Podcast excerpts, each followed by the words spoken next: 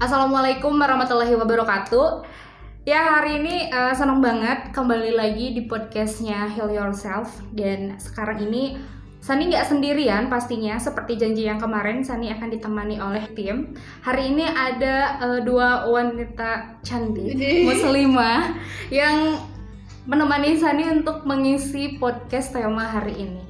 Ya kembali lagi bersama Heal Yourself Talk. Kali ini ada ditemani sama Vega dan ada Sadi juga tentunya member baru kita. Cip. Aku di ospek guys.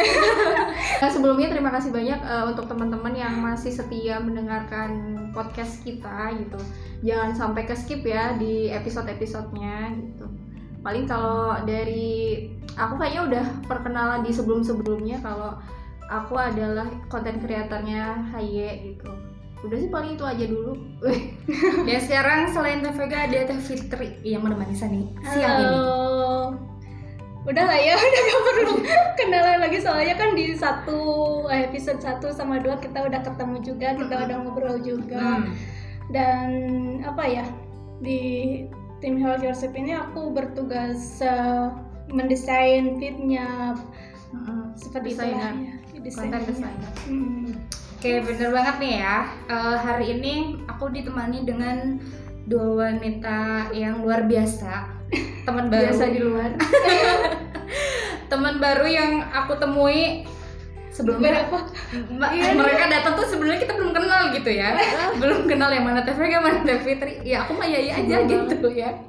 Dan eh, hari ini tadi kan ada Teh Vega yang apa content creator, ada juga eh, desainer desainer. Nah, mereka ini emang jalurnya di situ apa gimana teman-teman ya? Mungkin itu jadi salah satu cita-cita mereka bukan ya? Coba Hmm. Teh Vega itu cita-cita bukan sebetulnya? Iya iya. Sebenarnya kalau misalnya kalau konten Kita- creator itu kalau di Haya sendiri ya itu kan lebih yang kalau misal kita bikin tulisan gitu tulisan-tulisan di feeds atau eh, bisa juga kayak misal kita mau ada apa namanya mau ada keluar itu biasanya menentukan yang ikut brainstorming. Kira- kira-kira kita nentuin apa tema keluarnya tuh apa terus kira-kira yang mau dibahas apa biasanya itu. Tapi eh, nggak berjalan dengan sendiri sih di ditemani juga dan didampingi juga sama founder kita ya sama Tenovi yang hari ini jauh di sana. Jauh di sana dekat di hati. Eh, Eh, Peres banget gak sih?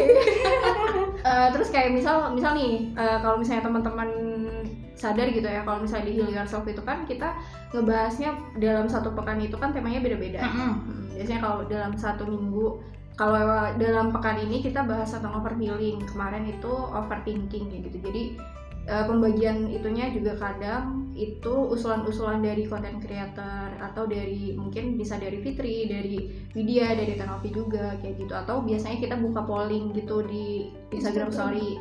Kira-kira teman-teman followers ingin apa ya ingin kita bahas Ingin apa kayak gitu sih. Kalau Teh Fitri, apakah menjadi desainer adalah cita-citanya? Iya. eh ini aku oh cita-cita yang ini aku kok salah, salah jawabannya. Eh bentar bentar. Jadi belum selesai jawabannya. Kalau kalau tentang cita-cita sebenarnya ini sederhana banget sih. Aku btw nggak punya dari dari kecil misal ditanya cita-cita apa tuh nggak pernah spesifik gitu. Akan jadi apa gitu. Bahkan dokter. Besoknya jadi kuliah- perawat.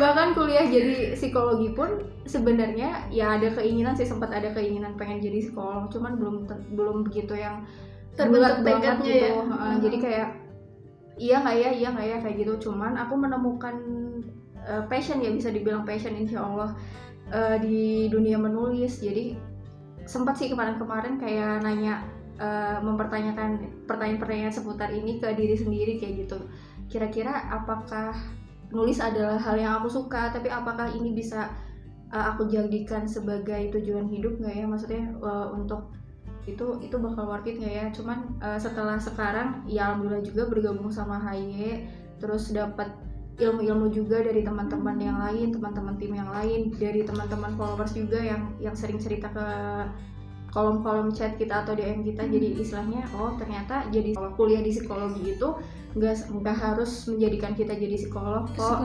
Bisa bisa di bidang-bidang yang lain. Hmm. mungkin kalau misalnya aku mungkin akan eh, memulai untuk menseriuskan atau serius di bidang atau menekuni di bidang tulis menulis itu sih.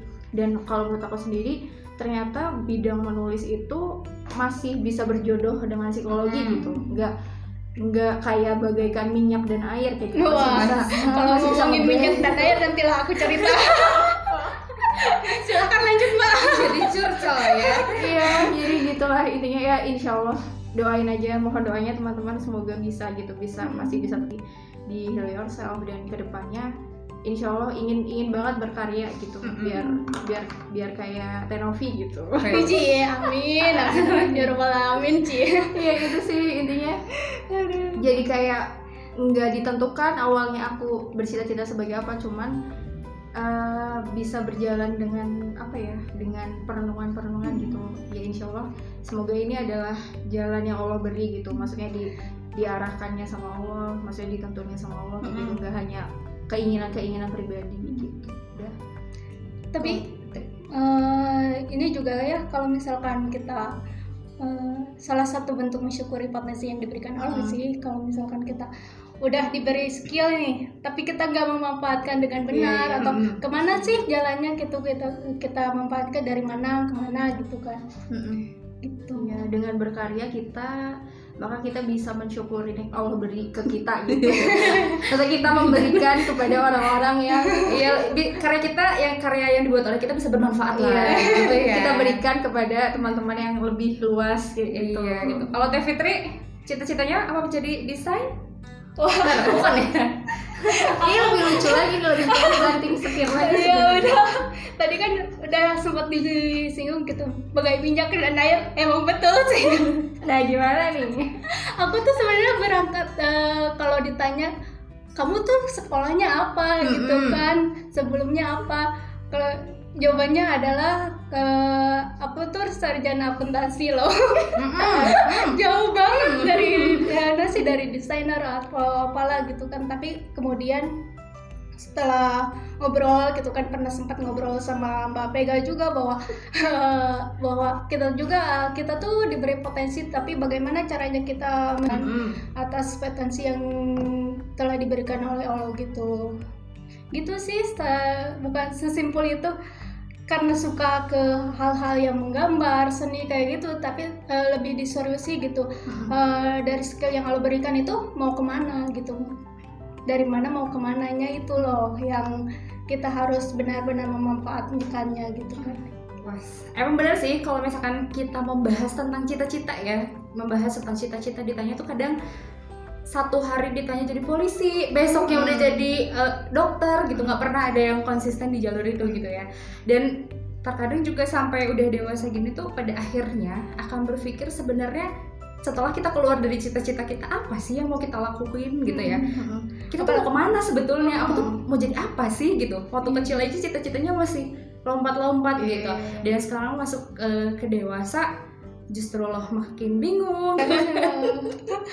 Cita-cita nggak kegapai gitu kan. Kadang eh, ya mungkin ada juga cita-cita yang memang tersak apa tergapai gitu. Iya. tapi akan mungkin lebih banyak lagi yang tidak tercapainya gitu. Ya termasuk saya sendiri gitu ya. Gimana, nih? penjelasan gimana nih ini? ceritanya nih jadi dulu aku tuh punya cita-cita pengen jadi perawat gitu ya. Kok sama sih? Pernah sih pernah sih. Karena sampai kata cita-cita jadi perawat itu eh, tertulis di rapot SMP Widih. cita-cita jadi perawat. Perawat dulu terus yang keduanya dokter. Harus dokter dulu jadi perawat dulu gitu kan terus kayak emang sebenarnya pengen tuh waktu pas keluar dari SMP itu kamu mau ke mana sekolahnya? Pokoknya aku pengen jadi perawat. Terus pas udah ditanya "Eh, dek perawat tuh sekolahnya mahal. Ya udah aku sekolah di mana aja yang penting aku sekolah? iya yang penting aku sekolah gitu kan. Jadi kayak meragukan cita-cita kita sendiri. Terus setelah lepas dari itu jadi pusing deh aku mau ngapain lagi ya kalau udah kayak gini ya? Karena tujuan itu tuh nggak kecapai gitu ya. Dan sama seperti tema yang akan kita bahas hari ini adalah tentang KLC ya atau quarter life uh, crisis. Crisis. gitu.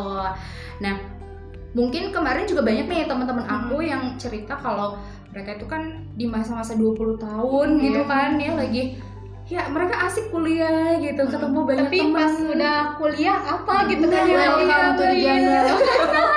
welcome to the apa world ya apa aku menikah aja gitu kan pada akhirnya gitu kan ditarik tarik benangnya adalah ya udah aku menikah aja, gitu. apalagi kan cewek gitu kan Ah, udah Hai guys Menikah itu tidak semudah yang diucapkan Iya, iya, iya. guys. Ya gitu kan. Jadi makanya banyak banget nih sekarang yang mereka tuh lagi cari temen yang memang bisa ngehandle KLC mereka. Eh, ada di lingkaran-lingkaran yang memang positif. Karena sekarang tuh kan kalau misalkan punya temen yang kayaknya nggak memperkuat kita tuh kayak justru kita akan semakin lemah sendirinya Bingung gitu, gitu semakin kan, iya, bingung. Apa semakin sih, bingung ya tujuan kita gitu mau ke mana. Dulu juga aku sempat kayak gitu sih kayak ya Allah aku mau ngap- ngapain ya? Di rumah rebahan terus gitu. Kayak kayak apa ya kayak nggak ada semangat hidup gitu. Gitu karena apa yang aku pengen apa yang aku cita-citakan itu udah nggak nggak kecapai gitu Hmm. akhirnya kayak gitu. Nah tapi sebenarnya teman-teman tahu gak sih apa itu quarter life crisis? padahal udah makan daging. Juga ya. Oke mungkin ada yang mau menjelaskan gitu? Nah, Berarti kalau misalnya pertanyaannya apa itu quarter crisis berarti dimulai dari definisi ya pasti. Mm-mm. Uh, jadi kalau misalnya definisinya sendiri sebenarnya bahwa quarter life crisis ini terjadi ketika kita berada di usia seperempat abad. Quarter itu kan seperempat ya. Mm-mm. Iya. Jadi Sapa tuh- rapat Mm-mm, itu Sundanya. Iya, jadi KLC itu sebenarnya konflik kalau di bahasa Indonesia ini ya, konflik seperempat abad. Nah, jadi kenapa sih eh, KLC ini ada gitu? Jadi KLC itu adalah bisa dibilang adanya suatu masa, tepatnya di usia seperempat abad, manusia yang pen- dipenuhi oleh ketegangan emosional. Nah, biasanya ketegangan-ketegangan emosional ini tuh berisi tentang kekhawatiran, tentang ketakutan, kegelisahan kayak gitu. Biasanya kalau misalnya kita cemas atau gelisah atau khawatir tentang sesuatu itu kan lebih kepada objek-objek yang belum kita ketahui ya. iya benar Biasanya yang objek-objek yang belum kita ketahui itu kan yang belum kelihatan secara kasat mata gitu. Nah, ini biasanya dengan sesuatu yang ada di masa depan atau di masa Hmm. mendatang yang belum pernah kita jejaki gitu. Yang belum pernah kita jalani kayak gitu sehingga kita merasa khawatir, cemas dan apa sih namanya gelisah tentang hal Hmm. itu gitu. Itu sih eh, dari definisinya. emang sih kayak eh, dulu juga kayak apa pernah nga- ngalamin nanti kalau nikah sama siapa ya? gitu. Gitu kan. Nanti kalau udah gede aku jadi pengusaha atau jadi eh, cuman di rumah tangga atau gimana? Gitu ya. Emang itu tuh kayak bikin tanpa sadar tuh emang resah gitu. Dan tidak semua orang yang bisa menghandle itu semua gitu. Padahal kan ada kata yang jangan merasakan sesuatu yang belum terjadi gitu Iya, iya, iya. gitu Iya. kan ya kalau menurut Teh Fitri gimana banyak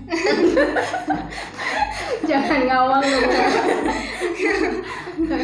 Iya sebenarnya yang kayak misal keresahan-keresahan itu bahwa itu tuh sebenarnya hal-hal yang udah ada dalam genggamannya Allah gitu. Hmm. Udah udah ada udah di ada ketetapannya Allah. Hmm. Ya kan kayak soal tadi Sahih bilang menikah, terus Betul. kita nanti di, di masa rezeki depan kita gimana gitu karir finansial kayak gimana gitu kan atau hanya ibu rumah eh, ibu rumah tangga gak hanya sih itu pekerjaan yang su- sulit dan menurut aku itu yang paling mulia gitu Hmm. terus eh, akan Sesuatu lebih yang ke belum- takdir ya maksudnya Mm-mm.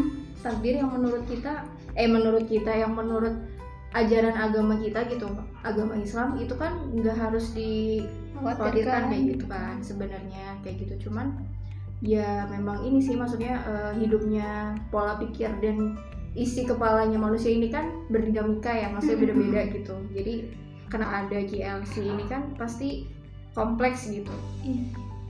Ya emang kalau misalkan eh, KLC ini kadang sebenarnya kalau menurut aku nih ya Hmm. kalau khawatir itu emang nggak boleh sih ya karena seolah-olah kita tidak bergantung kepada Allah gitu kan.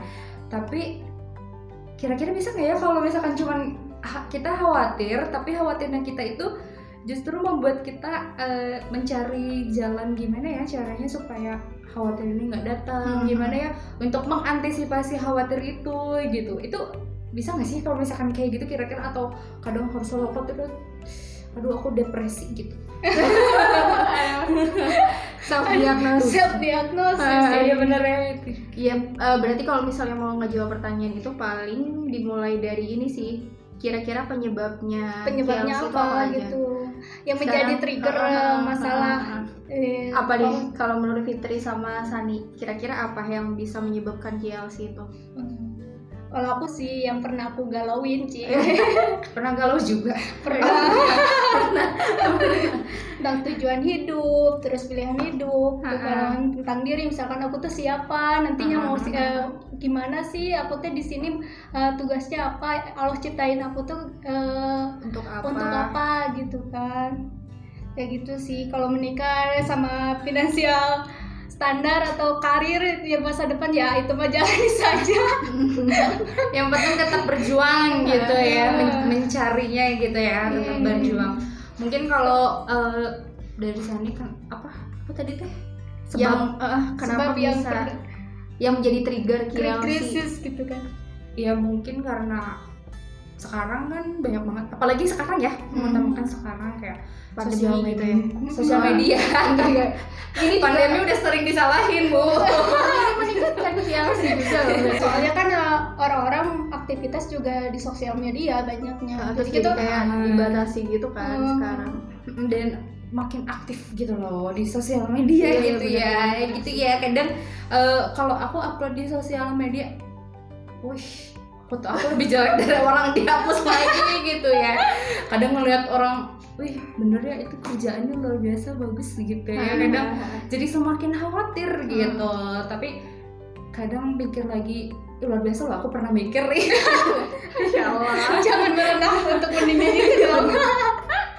iya tapi kadang eh, kalau semakin khawatir tuh semakin khawatir tuh justru semakin Bagus ya kan. semakin Berpikir, ya? membuat iya, kita Berpikir apa gitu. Apa sih? Depannya gimana? harus gitu. gimana gitu terus kayak belajar lagi untuk berpasrah kayak gitu-gitu kan Hmm. karena memang eh, ada juga yang apa ya yang Allah sebutkan juga semakin kamu berlari kepadaku semakin aku mendekatimu gitu Hmm. ya gitu kan Masya Allah.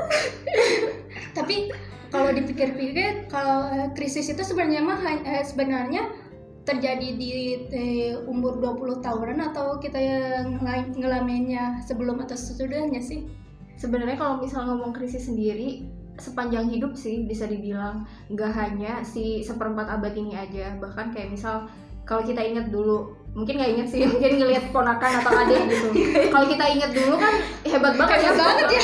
serem gitu ya ingatannya bisa inget eh, maksudnya bisa membuat kita masih tetap ingat kita umur tiga bulan misal tiga Hmm. bulan tiga bulan atau enam bulan waktu masa-masa kita mendekati apa sih namanya empati ya ini deh eh, contoh konkretnya misalnya kita ngelihat eh, bayi gitu usia enam bulan itu kan udah ini Hmm. juga bisa dibilang dia tuh istilahnya tuh punya krisis juga kan nggak ini kan ya nggak terbiasa gitu misalkan bayi eh, mengkonsumsi hal-hal hal-hal atau makanan-makanan yang selain asi gitu Hmm. terus dia dihadapkan pada eh, dia harus empati kayak gitu kan otomatis harus adaptasi gitu ya mencerna Hmm. makanan yang mungkin apa ya eh, strukturnya lebih lebih keras kayak gitu yang mungkin biasanya dia hanya mengkonsumsi asi dari ibunya terus dia sekarang harus bisa makan makanan-makanan yang lebih padat kayak gitu-gitu itu kan balik lagi ya si bayi itu kan juga harus apa ya namanya harus beradaptasi gitu begitu juga dengan kita yang di masa sekarang walaupun kita tuh adaptasinya udah nggak masalah mencerna makanan ya tapi ada ada apa ya ada tahapan-tahapan hidup yang lebih Terus ya. Terus begitu juga dengan apa namanya kalau misalnya pernah dengar midlife crisis nggak? Mi- Kalau misalnya quarter life crisis ini kan di usia seperempat abad. Hmm. Kalau midlife crisis ini lebih atas lagi. Jadi eh, di usia ini nanti kalau misalnya teman-teman lebih tahu bisa dikoreksi di kolom komen atau di mana atau DM HY. Cuman eh, yang aku tahu midlife crisis ini ada di usia rentang umur 45 tahun sampai 60 tahun. Hmm. Heeh, jadi kalau misalnya kita sadar nih usia-usia ini kan eh, misal ada di bapak atau ibu kita misal mendekati ke usia-usia pensiun ya Hmm. Pensiun. Mm-mm. biasanya kalau misalnya ada di psikologi namanya istilah post power syndrome. Biasanya kalau misalnya kita punya ibu atau bapak atau kakek gitu yang apa namanya pensiun kalau misalnya beliau-beliau ini bekerja sebagai abdi negara kayak gitu-gitu itu kan biasanya kayak merasa post power syndrome. Jadi post power syndrome ini adalah suatu kondisi di mana eh, jadi mereka itu merasa tiba-tiba tuh eh, gimana ya? Yang biasanya tuh mengerjakan sesuatu hal kayak misal ya eh, misal TNI ini harus bekerja di dinas di luar kayak Mm-mm. gitu. Misal di luar pulau kayak gitu, gitu. Tiba-tiba dia harus apa ya stay di rumah stay gitu di rumah mm, untuk untuk apa ya menikmati masa tuanya kayak gitu-gitu. Biasanya kalau misalnya memang terjadi krisis ya ini biasanya bisa bisa terkena midlife crisis gitu nah jadi menandakan kan bahwa sebenarnya nggak cuma KLC aja kita dihadapkan pada krisis-krisis hidup gitu tapi bisa tapi dari sepanjang kecil, hidup juga gitu kan dari bahkan kita, bayi, bayi. sampai ke hari tua Mm-mm. kita Mm-mm. mungkin hari tua kita nge, apa menggalaukan gimana ya amalanku gitu kan Iya iya iya benar udah Iya. cukup gak ya kapan kematianku gimana Iya. gitu Iya barusan yang aku baca tentang midlife crisis juga itu sih biasanya orang-orang tua yang di usia-usia itu juga mengkhawatirkan Hmm. tentang kematian, tentang masa-masa juga. evaluasi ya ya Hmm. Evaluasi amalan kita Iya, selama masa hidup gitu kan Iya. Ya itulah. Sebenarnya krisis itu nggak hanya di seperempat abad, cuman ya balik lagi. Semoga ini tidak apa ya, tidak terus membuat kita mm, selalu membenarkan gitu, selalu at- membiarkan krisis ini menang, menang terhadap diri kita Hmm. gitu. Apalagi terlebih kalau misalkan khawatir dan gelisah itu selalu datang ya. Tuh, lebih lebih khawatirnya lagi tuh kayak gitu emang setiap hidup tuh ya tadi udah disebutkan pasti krisis terus ya maksudnya bukan krisis keuangan terus ya guys ya maksudnya krisis karena ya kita nggak tahu tujuan mau ke mana gitu kan pilihan hidup kita mau kayak gimana gitu kan tapi gimana sih gimana caranya kita untuk eh, mengantisipasi quarter life crisis ini sebetulnya ya yang Mhm. yang kita eh, pengen adalah ketika mungkin kamu sekarang sudah merasakan hal itu Mm-mm. dan bingung juga nih jangan kan menentuin tujuan hidup Hmm. gitu kan Iya, iya. mengantisipasi quarter life crisisnya aja tuh masih bingung Hmm. gitu. Kalau sepengalaman Teh Fitri gimana? Punya keluar pengalaman dari quarter life crisis? Yang aku pikirin sih kalau misalnya ke quarter life kayak Asia ini sih sebenarnya eh, pernah booming yang Hmm. jadi seminar-seminar atau apa terus di kalangan muda-mudi aku tuh kayaknya kayak Asia deh gitu kan. Jadi yang suatu aku- kebanggaan Oh, gitu ya. Jadi wah aku Iya, udah bener, udah seberapa tempat bilang kayaknya krisis hidup aku udah mm, gitulah gitu kan. Wow Tapi aku kan- KLC ya. Uh, tapi yang aku khawatirin ini adalah orang-orang lebih eh, berlindung di kata KLC itu. Terus sih dibanding dia mencari keluar dari kondisi itu terus mencari solusinya bagaimana ke depannya. Kadang gitu banyak ya. Kayak self diagnosis gitu gitu, gitu.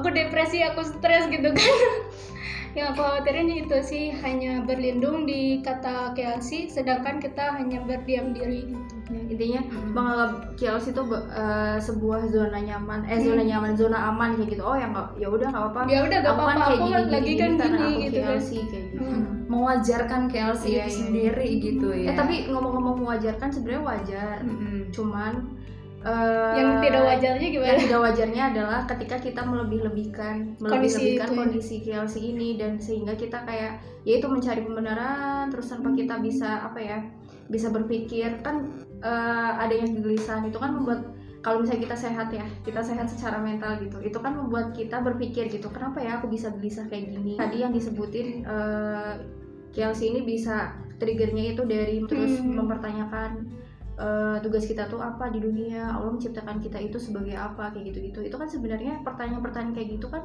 adalah sebuah pertanyaan yang bagus kan? Kalau misalnya kita Hmm. pikir gitu bahwa pikirkan dan kita sadar sadari Hmm. gitu kan. kita sadar. Dan eh, dengan kesadaran itu tuh sebenarnya itu adalah sebuah rezeki tersendiri gitu. Hmm. nggak semua manusia diberi rezeki dan diberi kesempatan untuk berpikir sedalam itu gitu ya.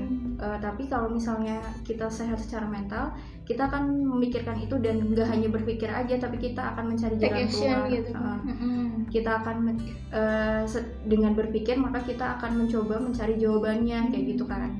Itu eh, kenapa kita eh, bisa agar bisa menghindari KLC karena itu jangan mewajarkan hal yang wajar kayak gitu.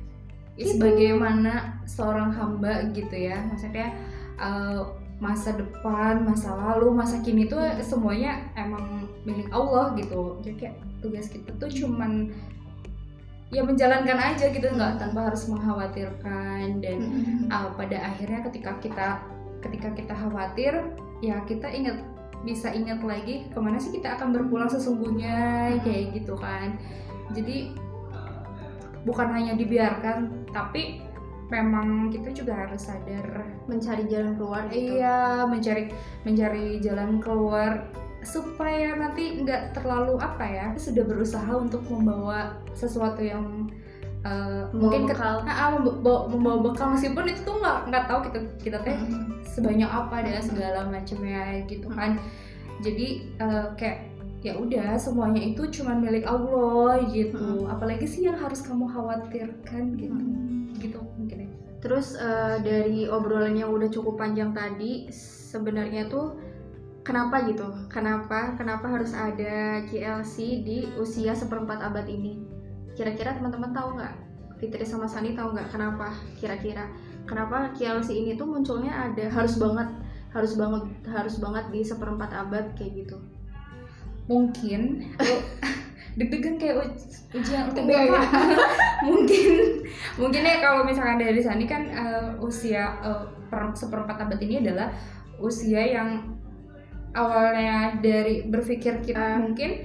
Nah anak-anak menuju dewasa menuju dewasa itu kan adaptasinya sangat luar biasa Iya, gitu. iya, gimana iya. kita berpikirnya cuma kalau di rumah pengen apa apa tinggal ada tapi ketika kita sudah mulai dewasa hal itu harus kita cari sendiri gitu. Kayak misalkan kalau kecil cuma minta uang ke orang tua udah Hmm. dewasa tuh nggak bisa gitu minta uang ke Hmm. orang tua tuh kayak adaptasi gitu lah mungkin Iya, kalau iya, dari iya. sana ya Iya. Kalau dari Fitri apa? Kalau aku sih lebih ke evaluasi gitu kan kita udah selesai sekolah gitu menuntaskan studi terus setelah ini apa gitu kan bisa kegalauannya bisa gara-gara aku mau kerja terus nanti eh, aku karirnya apa ke depan terus soal Iya. menikah ya udahlah itu mau eh, kegalauan. Masing-masing Kenapa ya dari tadi menggalaukan pernikahan ini menikah terus nanti eh, tapi lebih dalam dari itu eh, berperan di dunia itu di dunia, di dunia ini juga berperan sebagai hamba Allah. Nanti kita ini kita ini tugasnya apa Iya, untuk iya. menjadi hamba Allah? Terus tujuan hidup di dunia ini ngapain aja sih agar nanti kelak kita kembali ke Allah itu dalam keadaan emang taat gitu kan Yang taat selamat kemudian gitu. selamat gitu kan Iya itu sih. sih yang menjadi trigger di Ah. usia-usia kayak gini wah Iya, iya. Iya, jadi sebenarnya kalau tadi eh, teman-teman apa ya eh, nyinggung tentang masalah adaptasi dan evaluasi itu tuh berarti kan ada kayak semacam apa ya perpindahan gitu kan dari Hmm. kita yang masa kanak-kanak ke masa yang dewasa awal atau kita masuk menuju pintu gerbang dewasa kayak gitu dan biasanya kalau misalnya kita mau masuk itu kan kita harus kayak atau apa ya eh, dalam permisalannya tuh kayak kita meniti sebuah jembatan Anak dulu tangga kan yang Hmm. baru gitu. dan itu kan nggak nggak serta merta langsung gus kita nyampe kan gitu ya beda sih kalau misalnya kita udah beriman terus masuk ke jembatan Siratul Mustaqim kan bisa langsung cepat kilat gitu ya katanya. Cuman kan ini masalahnya di dunia kayak gitu. Hmm. terus ya itu tetap jadi ada ada prosesnya gitu ada tahapan-tahapannya ada fase-fasenya kayak gitu. Terus kenapa sih bisa ini bisa kejadian gitu di seperempat abad? Karena eh, nyadar nggak sih teman-teman kalau misalnya di seperempat abad ini kita banyak banget eh, menemui eh, keadaan-keadaan yang membuat kita tuh harus memilih harus memutuskan sesuatu. Mm-mm. kayak contohnya tadi sekolah masalah jurusan sekolah misal. Yang Sani tadi di awal bilang pengen banget jadi apa namanya perawat Hmm. pengen banget jadi dokter kayak gitu tapi terbentur biaya. Terus terbentur dengan takdir yang lain kayak gitu kan. Iya takdir jangan biaya. Itu kan jadi kayak membuat apa ya ada mindset kita yang yang akan diubah atau ekspektasi kita yang ya diturunkan lah atau Iya, iya. diganti lah Hmm. kayak gitu kan. Itu kan eh, apa ya adanya keputusan-keputusan dalam hidup kita gitu. Terus kalau seandainya kita udah masuk nih masuk ke jenjang perkuliahan terus de- di semester 1, semester 2 kita merasa kok aku nggak enjoy ya ngejalanin ini? Kayak gitu. Ternyata kita salah jurusan kayak gitu kan. Pernah nggak ngerasa salah jurusan? Enggak sih. Oh Enggak. enggak alhamdulillah aku, Aku- dulu sih pernah. Aku dulu pernah. Pernah enggak. Soalnya awal masuk manajemen kemudian ya udah Uh. setelah dipikir-pikir sayang ilmu saya pas SMK kan akuntansi. Ya Uh. udahlah aku lanjut akuntansi lagi gitu kan. Kalau aku lebih kalau misalnya cerita aku lebih ke ini sih maksudnya salah jurusan yang intinya disesatkan ke jalan yang benar. Jadi dulu tuh kan aku anak IPS ya hidup anak IPS aku tuh kan anak IPS terus cinta banget sama sosiologi. Belajar sosiologi tuh aku suka banget. Eh, udah gitu aku ngefans banget sama guru sosiologi aku zaman SMA Ini terus? Curiga karena fans sama gurunya? Sih Ya tapi bukan sama. ini bu guru ya, bukan guru. Jadi si ibu ini tuh eh, pokoknya role model banget lah dulu. Terus saking cintanya sama beliau, aku jadi suka banget sama sosiologi gitu. Terus aku waktu itu sempat mau masuk eh, apa namanya fisip. Kalau kalau ilmu-ilmu sosial itu kan fisip ya, masuk fisip. Tapi aku darullah nggak dapat di situ gitu. Terus alhamdulillah masuknya psikologi dan dulu tuh bodor banget sih intinya.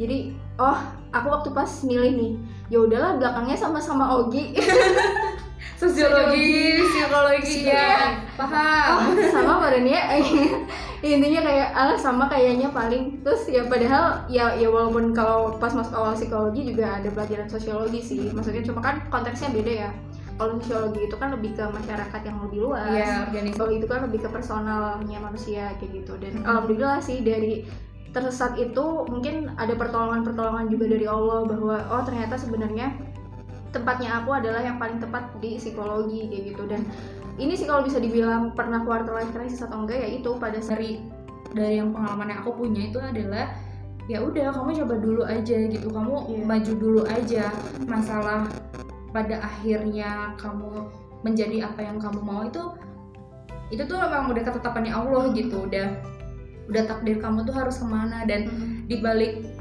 itu tuh pasti Allah tuh punya punya maksud dan tujuan tersendiri Mhm. gitu. Coba kalau aku jadi perawat, guys, aku gak akan ketemu sama mereka. Iya sih, gitu kan? Ya contohnya seperti itulah kayak eh, apa pada akhirnya tidak memutuskan niat kita untuk terus menjadi manusia yang lebih baik, hamba yang lebih baik, muslimah yang lebih baik mungkin gitu kan ya. Pasti ada kebermanfaatannya tersendiri gitu yang sudah Allah tetapkan gitu. Iya. Mungkin ya kalau dari setting. Iya, iya.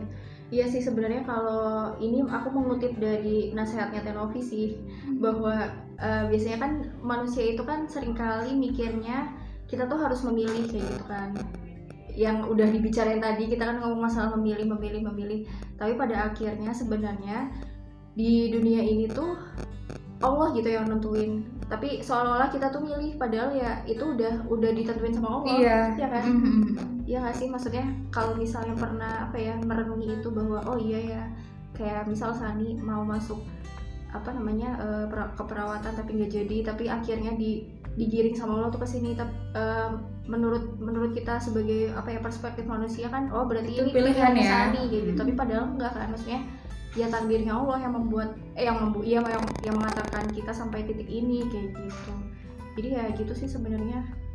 Eh, kalau boleh nanya lagi sebenarnya sebagai seorang muslim kita boleh nggak sih KLC merasa sih gitu. Eh, kan. tapi kalau misalkan anak sih berangkat dari awal ya sih itu sih cuma itu hanya sebuah penelitian yang dilakukan oleh psikologi dan yang menjadi objeknya tuh anak muda barat gitu Iya. kan Iya iya ini tapi eh, kita belum tahu valid sih gak sih Uh-uh. kalau kita penelitian itu dilakukan pada seorang muslim ya, seorang muslim yang ke- tingkat keimanannya kuat gitu Iya. kan padahal kalau kita ba- balik lagi belajar sejarah lagi nih kita menemukan kisah-kisah yang luar biasa eh bentar dulu yang tadi belum selesai Hah? ya apa namanya yang masalah penelitian ya Hmm. ya masalah penelitian ini kan sebenarnya juga ya mungkin ada teman-teman yang lebih tahu mungkin ini yang pertama kali meneliti itu siapa jadi kan kalau di dalam psikologi itu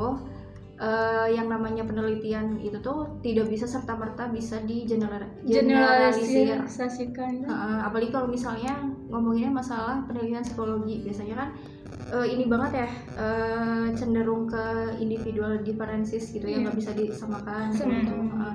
apalagi yang yang tadi Fitri bilang ini kan eh, penelitiannya ada di barat gitu Hmm. sebenarnya kayak konsep-konsep manusia barat sama eh, bisa nggak nggak bisa nggak bisa serta merta di ini kan di apa dileburkan kepada konsep manusia dalam Islam gitu kan ya bisa Hmm. aja value-value mereka berbeda gitu Hmm. berbeda dengan kita yang misal orang Barat itu kan eh, mungkin pada saat itu pada saat si apa namanya si penelitiannya itu di dilakukan dikeluarkan gitu Hmm. hasilnya bisa jadi itu memisahkan gitu memisahkan adanya keterikatan kita sama Allah gitu Hmm. keterikatan Iya, kita sama keberga apa ya sama spirit spiritualitasannya kita kayak gitu sehingga mereka tuh ya penelitian itu nggak nggak ini nggak nggak membawa si konten spiritual itu padahal apabila misalnya kita eh, apa namanya bisa punya keterikatan yang bagus gitu keterhubungan yang bagus sama Allah bisa dibilang nggak nggak akan ada yang namanya kias itu iya. kan?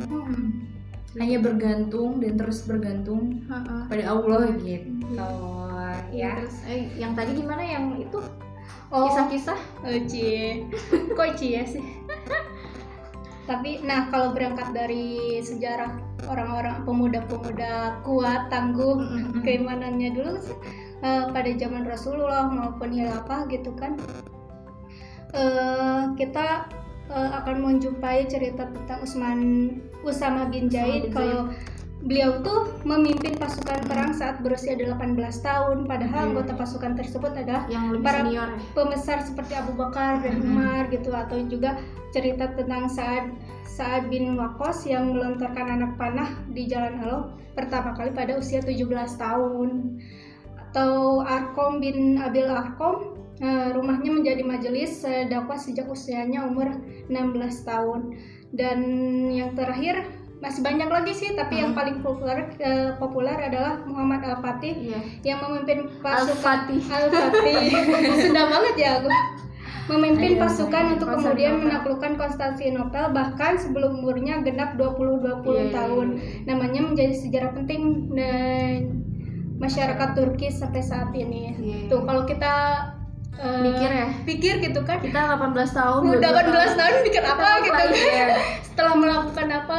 mikir berharap eh, pelajaran matematika nggak ada gurunya gitu Kalau mikir ke sana gitu kan sebenarnya eh, krisis itu wajar atau enggak sih sebenarnya Hmm. tapi kembali lagi kalau misalnya kita eh, dari kecil gitu kan keimanan kita kemudian ketergantungan kita hanya kepada Allah apa sih yang perlu kita krisis ki- galaukan Hmm. resahkan sebenarnya mah gitu kan Iya iya iya iya iya jadi kayak istilahnya eh kalau anak-anak milenial sekarang meributkan yang namanya KLC KLC dan KLC tapi ternyata anak-anak anak-anak para pemuda gitu ya para pemuda zaman dulu yang milenial pada zaman dulu malah justru mematahkan gitu ya mematahkan bahwa KLC itu apa sih ada KLC? KLC apa sih KLC Iya. aku tidak kenal KLC gitu apalagi ya itu Muhammad Al Fatih gitu kan bisa wah membebaskan Konstantinopel gitu maksudnya itu yang paling ini banget sih maksudnya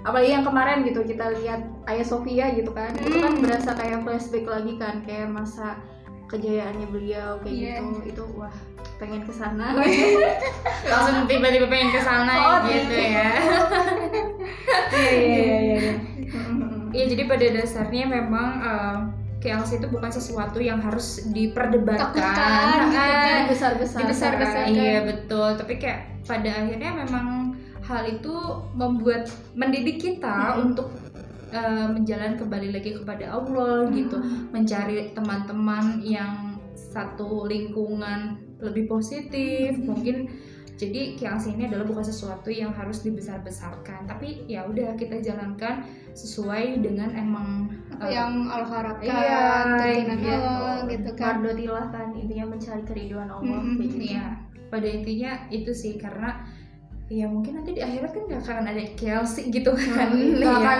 Allah tuh insya Allah Gak akan nanyain lah gak akan nanya lah Iya. kamu semasa kamu KLC nggak KLC nggak gitu kan Kayak gitu. tapi sepanjang hayat itu ditanyain gitu kan ya jadi Nah. untuk eh, kalian-kalian dan mungkin kita bertiga juga Iya, ya untuk teman-teman yang saat ini terutama para pemuda-pemudi yang sensitif melihat sosial media Hmm. gitu ya kalian itu punya eh, jalannya masing-masing gitu Hmm. teman-teman tuh punya eh, pilihan yang Hmm. sebetulnya sudah Allah arahkan menjadi lebih baik hanya gimana saja caranya kita untuk melihat hikmah dari itu Iya, semua iya, iya. gitu ya jadi nggak usah nggak usah khawatir nggak usah cemas Hmm. serahkan saja semua khawatir dan rasa cemas itu Ke eh, ke dalam gitu. ke doa ke Allah lagi gitu pasti ada jalannya Iya. gitu ya intinya jangan terlalu memperbanyak kecemasan gitu tapi yang kita perbanyak dan harus kita tambah adalah rasa kebersyukurannya kita kan. Hmm. bahwa kalau misalnya kita lebih mudah bersyukur maka kita akan lebih mudah untuk bisa mengambil dan mempelajari hikmah-hikmahnya. Yang Allah beri kayak gitu.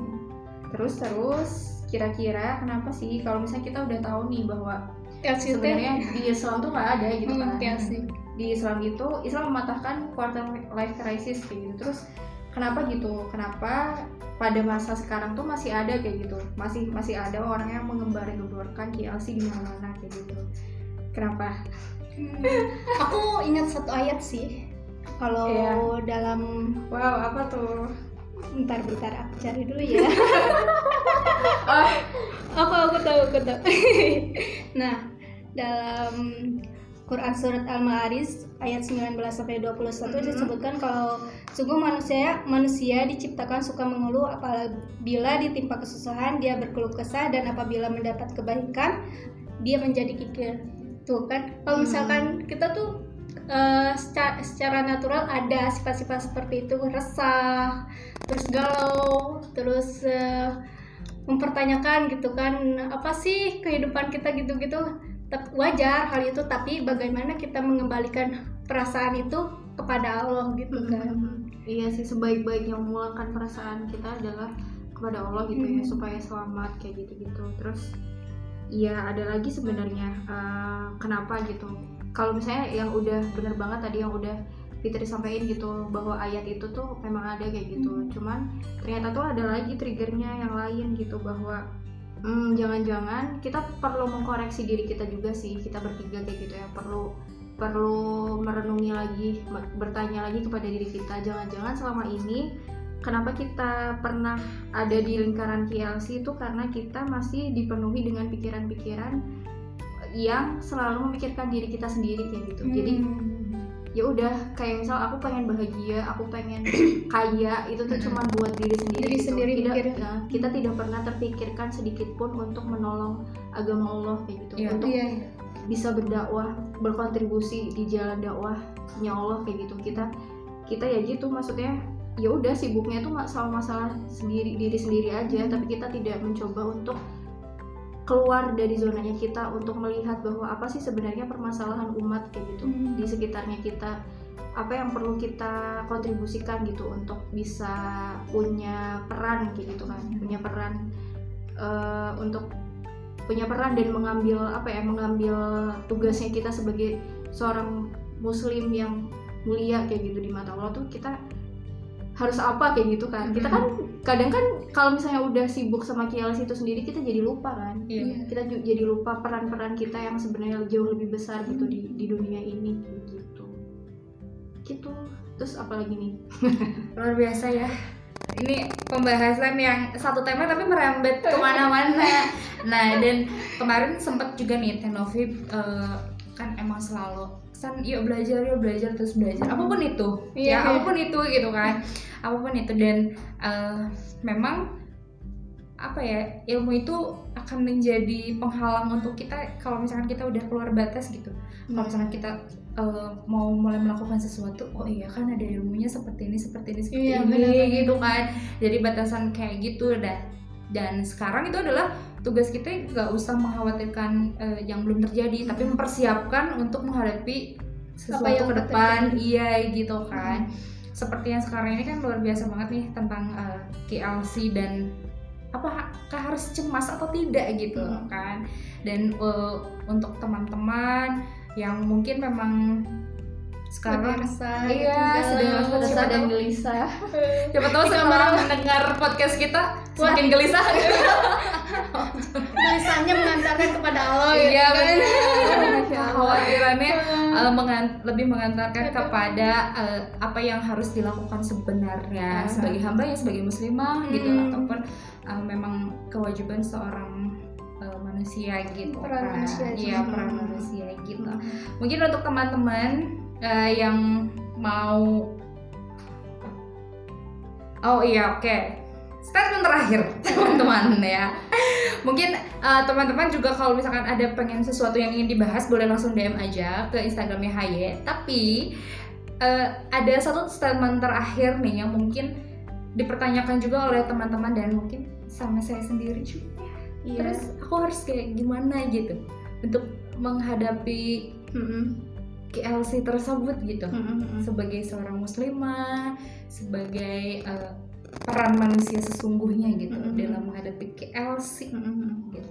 Iya ya, jadi uh, sebenarnya nggak perlu bingung sih teman-teman sebenarnya banyak banget yang perlu kita lakukan atau kita kerjakan kayak gitu sebenarnya uh, bisa bisa dimulai dengan yang paling dasar banget nih kita mengganti fokus fokus kita ke dunia ya kan tadi udah dibilang ya maksudnya Chelsea itu kan yang apa ya masalah permasalahan-permasalahan yang fokusnya itu muter-muter di dunia. dalam diri malahan. ekspektasi terus uh, masalah pengharapan masalah pencapaian-pencapaian kayak gitu. Yang intinya ya udah cuman mentoknya di dunia-dunia aja hmm. kayak gitu. Nah sedangkan manusia itu kan nggak selamanya abadi di dunia ya maksudnya akan ada batas manusia itu hidup di dunia kayak gitu. Jadi kita harus mengganti fokus nih mengganti fokus kita dari dunia hanya hanya dari keduniawian ke akhirat.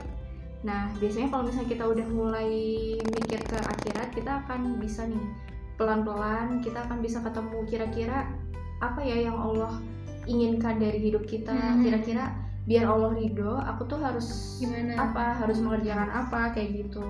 Pertama gitu bisa mulai dengan mengganti fokus. Terus kita juga bisa mulai mengganti mindsetnya kita. Jadi kayak misal hmm, segala sesuatu yang kita dapatkan itu tuh sebenarnya ya kalau misalnya nggak sesuai sama ekspektasinya kita ya udah maksudnya dihadapi aja dengan dengan bersabar itu mah udah pasti ya gitu. Terus ya diterima aja dan kita juga apa ya punya peran punya peran buat belajar dari situ gitu bahwa sebenarnya yang udah ditetapkan sama Allah pasti itu punya punya ladang pahala tersendiri gitu. Hmm. jadi dengan kita bisa apa ya bisa menjalankan itu maka kita bisa apa ya istilahnya bisa berhenti membandingkan diri kita dengan orang lain gitu. Terus uh, kita juga bisa membekali diri untuk melakukan hal-hal yang lebih produktif. Ya kalau misalnya apa namanya sekarang kita rebahan aja sebenarnya rebahan aja bisa kok bisa produktif dengan rebahan mm-hmm. kayak misal ya kayak gini deh nanti ngedit podcast kayak gitu kan sambil rebahan itu kan juga iya bener-bener bikin feed sambil rebahan gitu ya iya bener loh itu kan juga ya paling banget sambil iya, rebahan. produktif gitu uh, ya tuh cuman posisinya aja rebahan gitu kan Aduh. Iya, tapi otaknya kerja dan tangannya bekerja kayak gitu ya. Ya intinya bisa berkarya dari hmm. kalau kita di atas di atas kasur, kita tetap bisa berkarya kayak gitu. Hmm. Tapi ya yaitu dengan produktif kita menciptakan apa ya suatu karya-karya yang bisa kita bagikan ke teman-teman supaya kebermanfaatannya itu bisa menyebar lebih luas lagi kayak gitu sebagai ladang amal ya kalau hmm. sepanjang usia gitu kan oh, maupun iya, iya. kita diterpa krisis atau apa pun gitu kan ya balik lagi itu bisa kita jadikan sebagai ladang amal hmm. atau enggak gitu kan menyibukkan diri lebih baik lah intinya hmm. gitu ya dan jangan terperangkap oleh mindset. Mindset, iya. ya udah. Aku teh lagi KL sih ya udah aku teh diam aja. Iya. nggak gitu guys.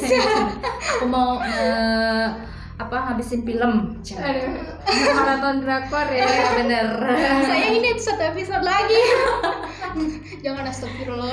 Jangan gitu. Oke okay. um, terus ada lagi nih sebenarnya. Mm -hmm. uh, kita juga bisa meluaskan ilmu nih kalau misalnya kita apa ya kalau kita makin banyak belajar terus makin banyak ketemu sama orang-orang yang hmm. hebat itu kan pasti jadi makin meluaskan wawasan kita nggak sih bahwa oh ternyata yang namanya apa ya yang namanya hal-hal yang kayak gini tuh bisa bisa apa ya bisa kita tepis dengan kalau misalnya kita berilmu gitu. Maksudnya mendekatkan diri lagi ke kepada Allah kayak gitu gitu terus ya ini sih yang yang paling yang paling apa ya yang paling paling dekat gitu sama kita yaitu sih lebih ke berja, berjejaring hmm. berjejaring dengan teman-teman yang positif tadi hmm. jadi saling Ya, mengingatkan ya, ya. Bisa hmm, saling bisa dikelilingi dengan orang orang-orang soleh dan soleha gitu yang bisa mengingatkan kita sama Allah gitu udah apalagi nih ya mungkin eh, pada intinya sekarang mah sibukin cari teman aja guys. Ya teman-teman lebih banyak cari teman aja. Nanti juga kamu bakal memilih mana sih yang kamu butuhkan gitu. Hmm. kayak eh, teman-teman pa- pada pada akhirnya ketika kita mungkin ketika kita dewasa tuh kita lebih memilih eh, dekat dengan teman itu bukan hanya karena membutuhkan saat kita sendiri tapi kayak membutuhkan teman itu karena kita butuh ilmu gitu ya kayak kayak gitu gitu. Itu yang bagus sih Hmm. terus buat yang lagi galau gitu kan sekarang berbaik sakalah sama Allah gitu kan. Ya intinya intinya. ini sih kayak apa sih senda dunia itu kan senda gurau aja ya. Jadi yang namanya kesedihan yang namanya kegalauan yang namanya kecemasan yakinlah bahwa itu tuh nggak akan selamanya kayak gitu. Hmm, nggak akan selalu menghantui kita sepanjang hidup kita enggak insya Allah. Nanti kalau misalnya kita mau selangkah demi selangkah mendekatkan diri kepada Allah insya Allah itu akan diangkat gitu dengan dengan apa ya dengan terus berdoa dengan terus berserah diri kepada Allah insya Allah itu ya akan ada masa masa akhirnya masa-masanya lah ya itu Wow, luar biasa. Terima kasih. Kok jadi agak berat ya Fitri. bahasannya Iya, iya bahasannya karena memang ini sangat Menyangkut familiar ya. Iya, terus Kehidupan para milenial. juga sebenarnya bisa dibilang bukan hanya maksudnya kita kita bertiga yang ngomong bukan kita yang paling pintar atau Mm-mm. gimana ya. Kita juga lagi ya jangan-jangan kita juga sedang krisis-krisis itu juga gitu walaupun kita juga ya insya Allah janganlah maksudnya kita masih tetap berpegang kepada Allah gitu ya. Kalau kalau misalnya kita apa sih cemas kayak gitu gitu ya jangan sampai ke KLC banget kayak gitu. Hmm. Dan ini mungkin salah satu contoh kenapa kita harus cari banyak temen gitu kan. Iya. Itu ya bisa saling mengingatkan dan mendengarkan eh, bisa saling sharing. pengalaman eh, pengalaman satu sama lain kita bisa mengambil ilmunya dari mereka juga gitu ya dan buat eh, teman-teman teman haye teman-teman hai kenapa ya kalau ada yang kalau ada yang susah cari yang mudah gitu. Enggak dia beda loh. Iya, karena di episode dua pasti ada. Kenapa dia? Oke, pokoknya terima kasih banyak untuk teman-teman yang eh, mendengarkan podcast ini. Semoga ke depannya podcast kita bisa lebih bermanfaat ya. Dengan konten-konten yang mungkin saat ini teman-teman sedang butuhkan gitu ya, atau emang oh iya ini bahasan ini gue banget gitu Iya. kan, kayak gitu mudah-mudahan segala yang kita eh, keluarkan energi apa sih nggak nyambung kan ya maksudnya semoga apa yang eh, kita, Kita- usahakan hari ini kita gitu diskusikan juga bisa bermanfaat Iya betul dan juga menjadi salah satu nilai ibadah gitu untuk sharing Ah. kayak gitu ya. Dan untuk teman-teman yang mau membahas sesuatu tentang psikologi Islam boleh DM ke yourself.id atau bisa di follow apa eh, akun Spotify-nya Iya benar. Iya benar. Jadi supaya terus update gitu kan Sampai biar apa. jangan ke skip episode-episodenya. Iya benar. Karena eh, ilmu itu harus tuntas gitu ya. Iya, ilmu itu harus tuntas ya Setuju, setengah-setengah setuju, ya. Oke kalau gitu eh, kami ucapkan terima kasih banyak untuk kamu yang sudah mendengarkan dan nantikan episode selanjutnya. Kalau gitu Sani pamit. Vega juga pamit. Fitri juga Baik. Terima kasih semuanya. Wassalamualaikum warahmatullahi wabarakatuh. Dadah.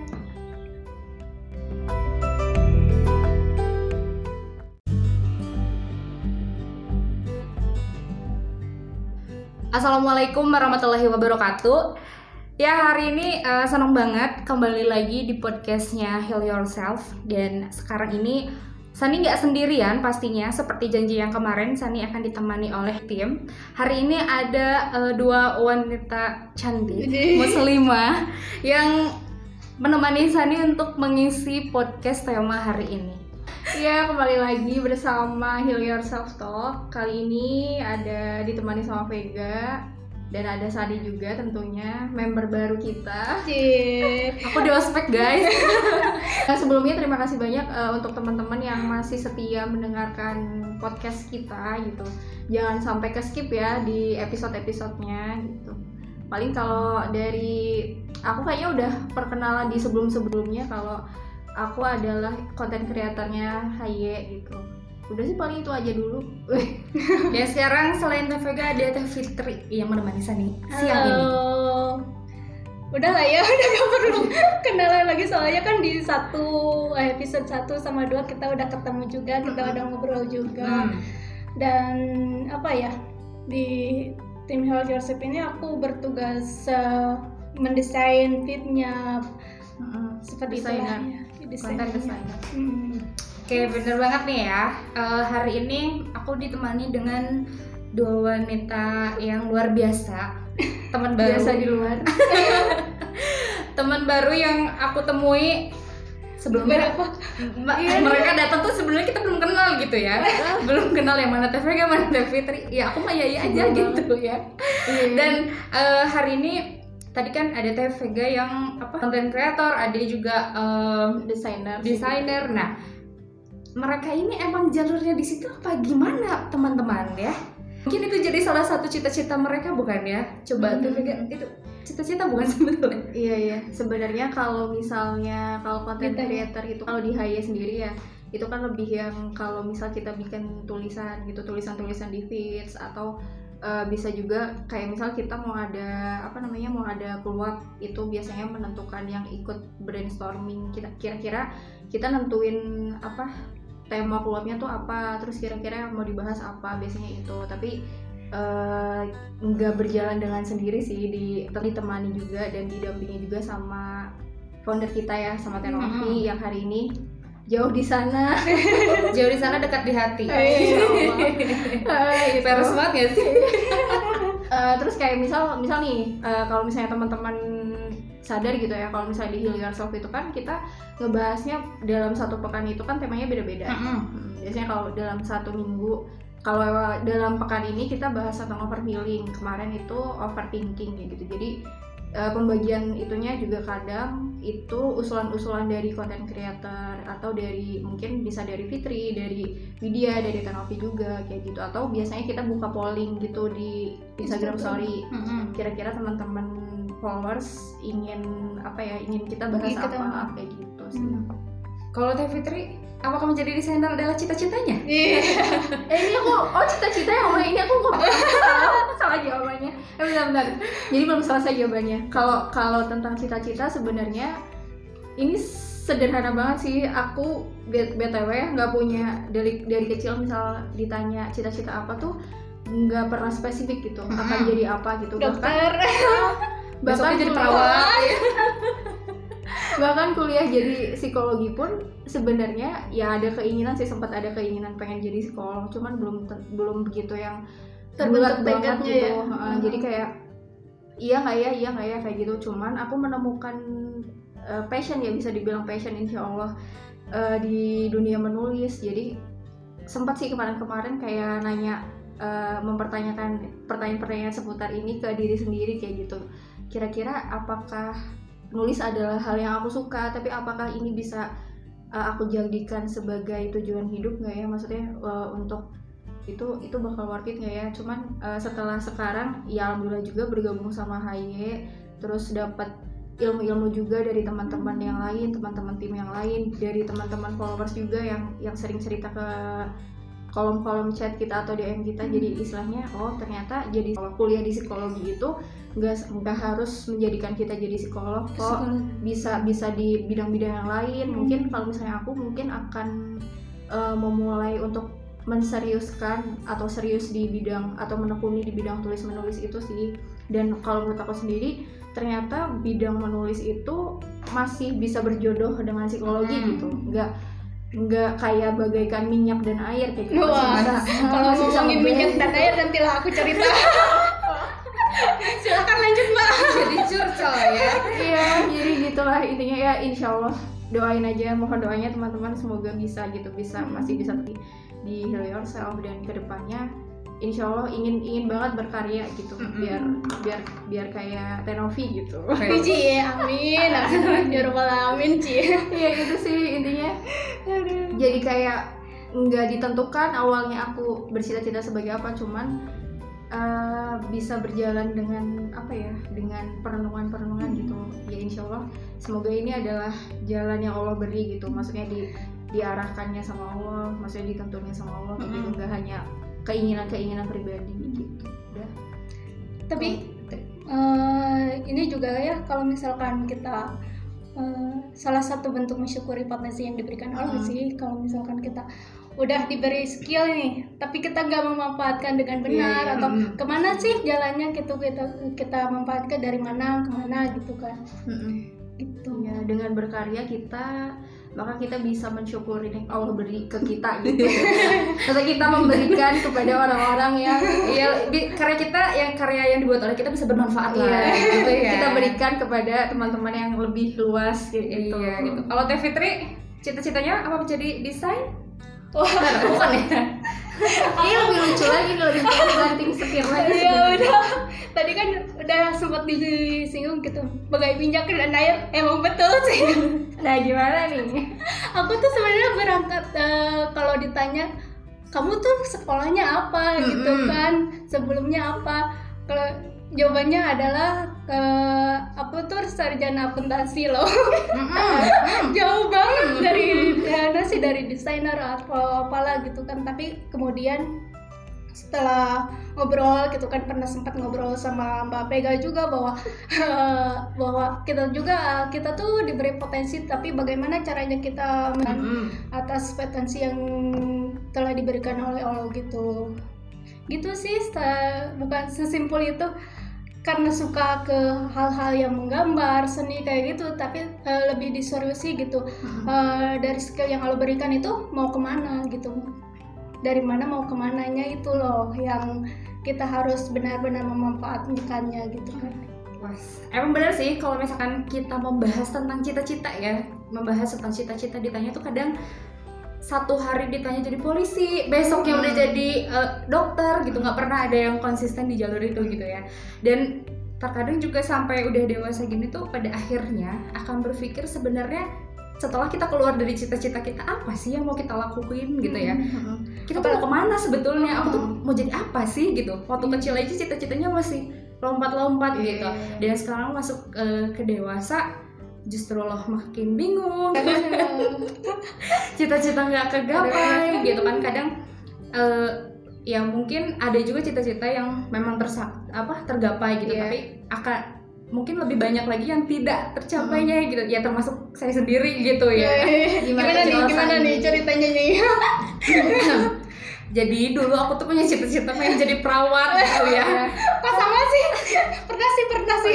Pernah. Sampai kata cita-cita jadi perawat itu uh, tertulis di rapot SMP hmm, cita-cita jadi perawat. Perawat dulu terus yang keduanya dokter. Harus dulu jadi perawat dulu gitu kan terus kayak emang sebenarnya pengen tuh waktu pas keluar dari SMP itu kamu mau ke mana sekolahnya? Pokoknya aku pengen jadi perawat. Terus pas udah ditanya uh, dek perawat tuh sekolahnya mahal. Ya udah aku sekolah di mana aja. Yang penting aku sekolah. Iya yang penting aku sekolah iya. gitu kan. Jadi kayak meragukan cita-cita kita sendiri. Terus setelah lepas dari itu jadi pusing deh aku mau ngapain lagi ya kalau udah kayak gini ya? Karena tujuan itu tuh nggak kecapai gitu ya. Dan sama seperti tema yang akan kita bahas hari ini adalah tentang KLC ya atau quarter life uh, crisis, crisis gitu.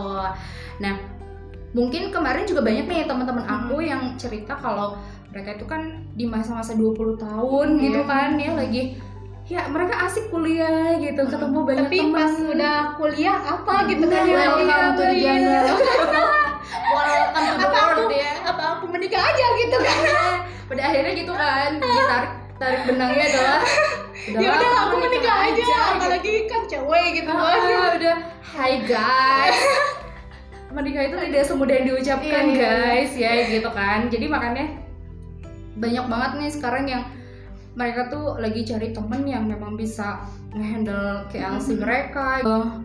Ada di lingkaran-lingkaran yang memang positif. Karena sekarang tuh kan kalau misalkan punya temen yang kayaknya nggak memperkuat kita tuh kayak justru kita akan semakin lemah sendirinya gitu. semakin iya semakin bingung ya tujuan kita gitu mau ke mana. Dulu juga aku sempat kayak gitu sih kayak ya Allah aku mau ngap ngapain ya? Di rumah rebahan terus gitu.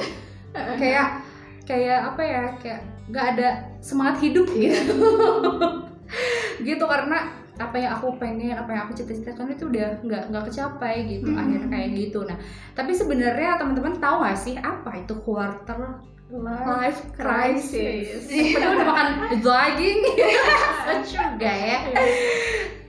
Oke mungkin Ah. ada yang mau menjelaskan gitu? Nah, berarti kalau misalnya pertanyaannya apa itu quarter crisis berarti dimulai dari definisi ya pasti. Mm-mm. Uh, jadi kalau misalnya definisinya sendiri sebenarnya bahwa quarter life crisis ini terjadi ketika kita berada di usia seperempat abad. Quarter itu kan seperempat ya. Iya. Jadi satu rapat Mm-mm, itu Sundanya. Iya, jadi KLC itu sebenarnya konflik kalau di bahasa Indonesia ini ya, konflik seperempat abad. Nah, jadi kenapa sih uh, KLC ini ada gitu? Jadi KLC itu adalah bisa dibilang adanya suatu masa, tepatnya di usia seperempat abad, manusia yang pen- dipenuhi oleh ketegangan emosional. Nah, biasanya ketegangan-ketegangan emosional ini tuh berisi tentang kekhawatiran, tentang ketakutan, kegelisahan kayak gitu. Biasanya kalau misalnya kita cemas atau gelisah atau khawatir tentang sesuatu itu kan lebih kepada objek-objek yang belum kita ketahui ya. iya benar Biasanya yang objek-objek yang belum kita ketahui itu kan yang belum kelihatan secara kasat mata gitu. Nah, ini biasanya dengan sesuatu yang ada di masa depan atau di masa Hmm. mendatang yang belum pernah kita jejaki gitu. Yang belum pernah kita jalani kayak gitu sehingga kita merasa khawatir, cemas dan apa sih namanya gelisah tentang hal Hmm. itu gitu. Itu sih eh, dari definisinya. emang sih kayak eh, dulu juga kayak apa pernah nga- ngalamin nanti kalau nikah sama siapa ya? gitu. Gitu kan. Nanti kalau udah gede aku jadi pengusaha atau jadi eh, cuman ibu rumah tangga atau gimana? Gitu ya. Emang itu tuh kayak bikin tanpa sadar tuh emang resah gitu. Dan Mhm. tidak semua orang yang bisa menghandle itu semua gitu. Padahal kan ada kata yang jangan merasakan sesuatu yang belum terjadi gitu. Iya, iya, iya. gitu Iya. kan ya. Kalau menurut Teh Fitri gimana? Apanya? jangan ngawang dong iya sebenarnya yang kayak misal keresahan-keresahan itu bahwa itu tuh sebenarnya hal-hal yang udah ada dalam genggamannya Allah gitu Hmm. udah udah ada Udah di ada. ketetapannya Allah Mhm. ya kan kayak soal tadi Sani bilang menikah terus kita nanti di, di masa rezeki depan kita gimana? rezekinya gitu. akan karir finansial kayak gimana eh, gitu kan. atau hanya ibu rumah ibu rumah tangga gak hanya sih itu pekerjaan yang su- sulit dan menurut aku itu yang paling mulia gitu. Hmm. terus eh, akan Sesuatu lebih yang ke takdir ya maksudnya. Mm-mm.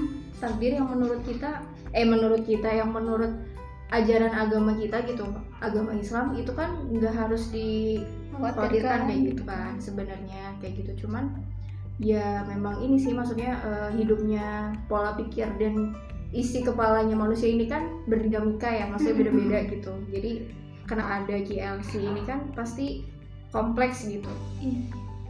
Ya emang kalau misalkan eh, KLC ini kadang sebenarnya kalau menurut aku nih ya Hmm. kalau khawatir itu emang nggak boleh sih ya karena seolah-olah kita tidak bergantung kepada Allah gitu kan. Tapi kira-kira bisa nggak ya kalau misalkan cuman kita khawatir tapi khawatirnya kita itu justru membuat kita eh, mencari jalan gimana ya caranya supaya khawatir ini nggak datang. Hmm. gimana ya untuk mengantisipasi khawatir itu gitu. Itu bisa nggak sih kalau misalkan kayak gitu kira-kira? Atau kadang harus selalu khawatir aduh aku depresi gitu. Self diagnosis self diagnosis Ah, iya. bener ya. Itu Iya, eh, berarti kalau misalnya mau ngejawab pertanyaan itu paling dimulai dari ini sih. Kira-kira penyebabnya penyebabnya apa aja? gitu yang menjadi Sekarang, trigger ah, ah, ah, masalah ah, ah. eh, Apa deh kalau menurut Fitri sama Sani, kira-kira apa yang bisa menyebabkan KLC itu? Hmm.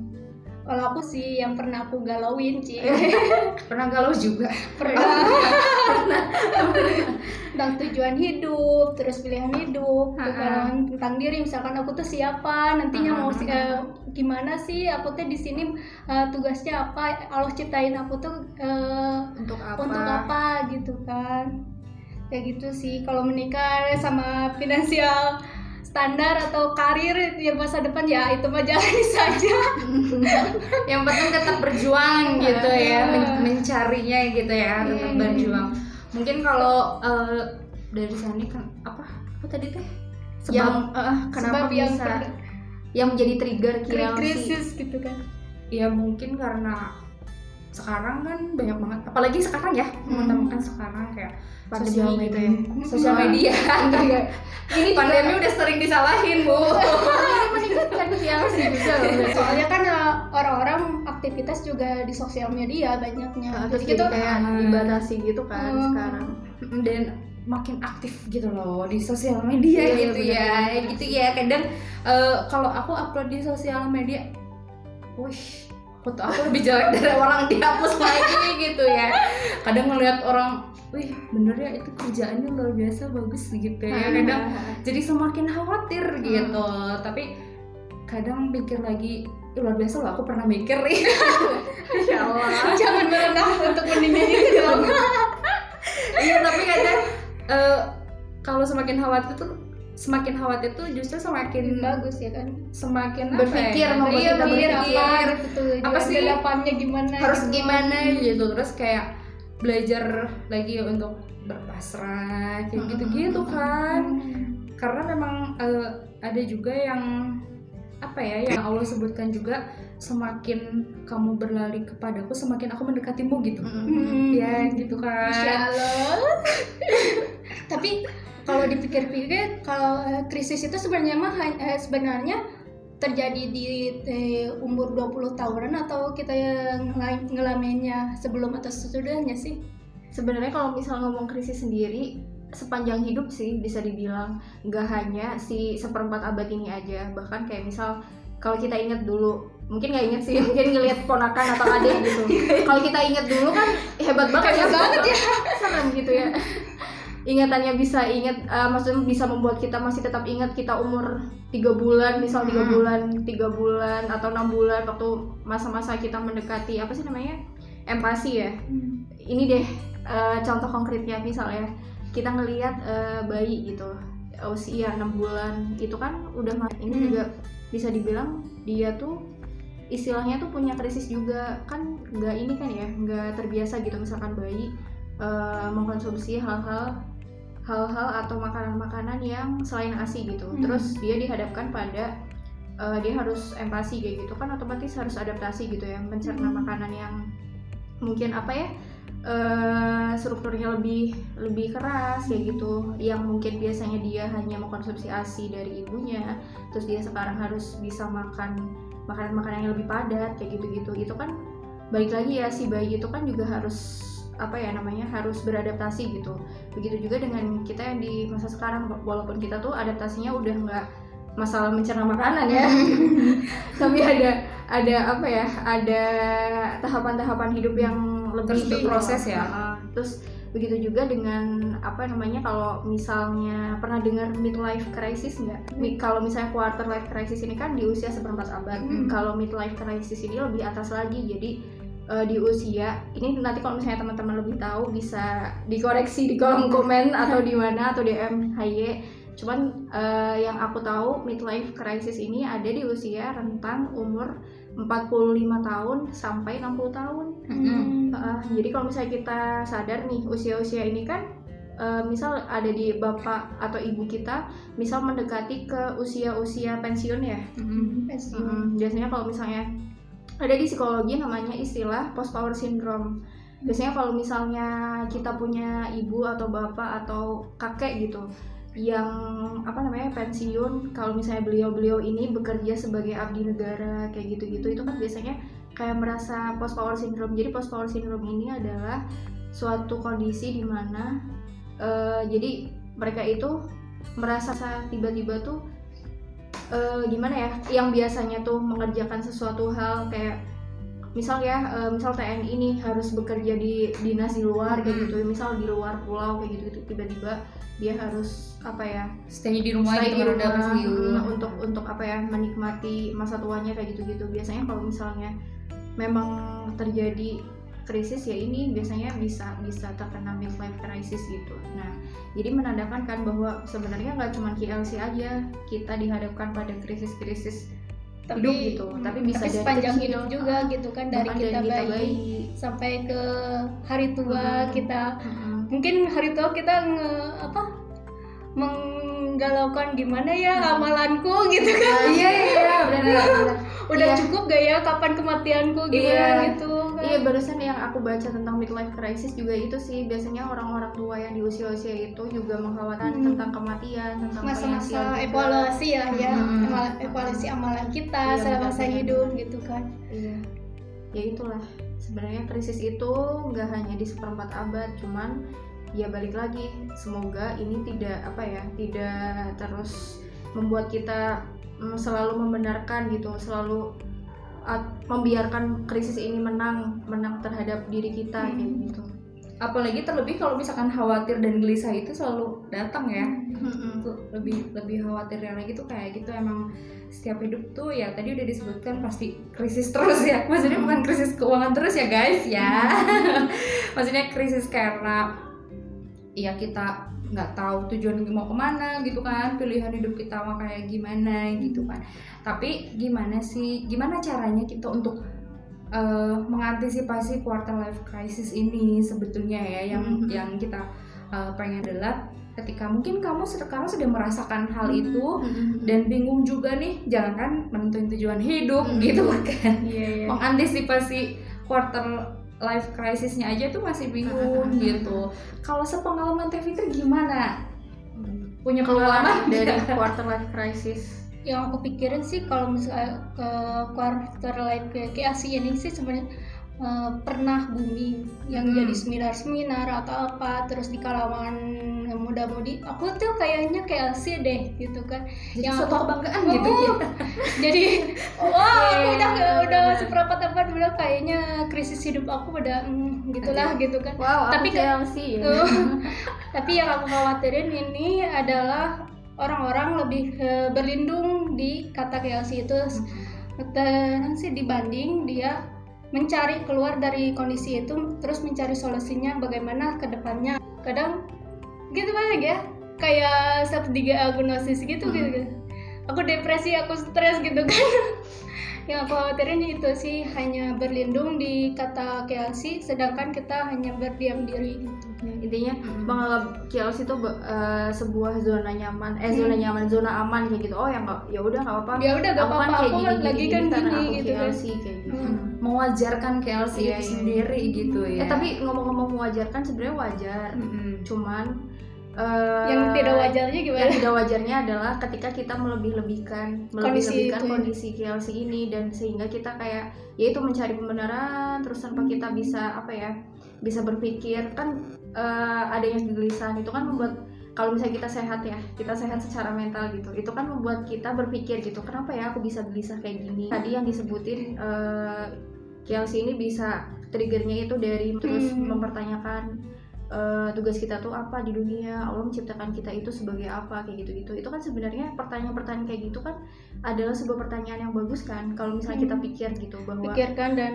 kita sadar sadari Hmm. gitu kan. kita sadar dan eh, dengan kesadaran itu tuh sebenarnya itu adalah sebuah rezeki tersendiri gitu Hmm. nggak semua manusia diberi rezeki dan diberi kesempatan untuk berpikir sedalam itu gitu ya Hmm. Eh, tapi kalau misalnya kita sehat secara mental kita akan memikirkan itu dan nggak hanya berpikir aja tapi kita akan mencari jalan keluar. gitu. Kita akan se- dengan berpikir maka kita akan mencoba mencari jawabannya kayak gitu kan. Itu eh, kenapa kita eh, bisa agar bisa menghindari KLC karena itu jangan mewajarkan hal yang wajar kayak gitu. Sebagaimana seorang hamba gitu ya. Maksudnya eh, masa depan masa lalu masa kini tuh semuanya emang milik Allah gitu. Jadi kayak tugas kita tuh cuman ya menjalankan aja gitu nggak tanpa harus mengkhawatirkan. Dan uh, pada akhirnya ketika kita ketika kita khawatir ya kita ingat bisa ingat lagi ke mana sih kita akan berpulang sesungguhnya kayak gitu kan. Jadi bukan hanya dibiarkan tapi memang kita juga harus sadar mencari jalan keluar gitu. Iya mencari mencari jalan keluar supaya nanti nggak terlalu apa ya sudah berusaha untuk membawa sesuatu yang uh, mungkin ke- bekal. Ah, ah, membawa, membawa bekal meskipun itu tuh nggak nggak tahu kita kita teh sebanyak apa dan segala macamnya gitu kan. Jadi eh, kayak ya udah semuanya itu cuma milik Allah gitu apalagi sih yang harus kamu khawatirkan gitu gitu mungkin ya Terus eh, dari obrolan yang udah cukup panjang tadi, sebenarnya tuh kenapa gitu? Kenapa? Kenapa harus ada KLC di usia seperempat abad ini? Kira-kira teman-teman tahu nggak? Fitri sama Sani tahu nggak kenapa? Kira-kira kenapa KLC ini tuh munculnya ada harus banget, harus banget, harus banget di seperempat abad kayak gitu? Mungkin. Deg-degan kayak uj- ujian UTBK mungkin. Mungkin ya kalau misalkan dari Sani kan eh, usia eh, per, seperempat abad ini adalah usia yang awalnya dari berpikir kita mungkin. Nah anak-anak menuju dewasa menuju dewasa itu kan adaptasinya sangat luar biasa Iya, gitu. iya, gimana iya. kita berpikirnya cuma kalau di rumah pengen apa apa tinggal ada tapi ketika kita sudah mulai dewasa hal itu harus kita cari sendiri gitu. Kayak misalkan kalau kecil cuma minta uang ke orang tua udah Hmm. dewasa tuh nggak bisa gitu minta uang ke Hmm. orang tua tuh kayak adaptasi gitu lah mungkin Iya, kalau iya, dari iya. sana ya Iya. Kalau dari Fitri apa?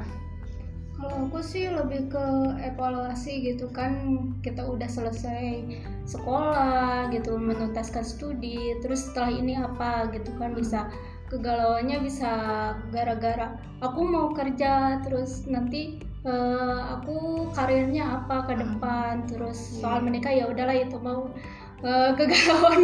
Masing-masing Kenapa ya dari tadi menggalaukan pernikahan ini? Sih? menikah terus nanti eh, tapi lebih dalam dari itu eh, berperan di dunia itu di dunia, di dunia ini juga berperan sebagai hamba Allah.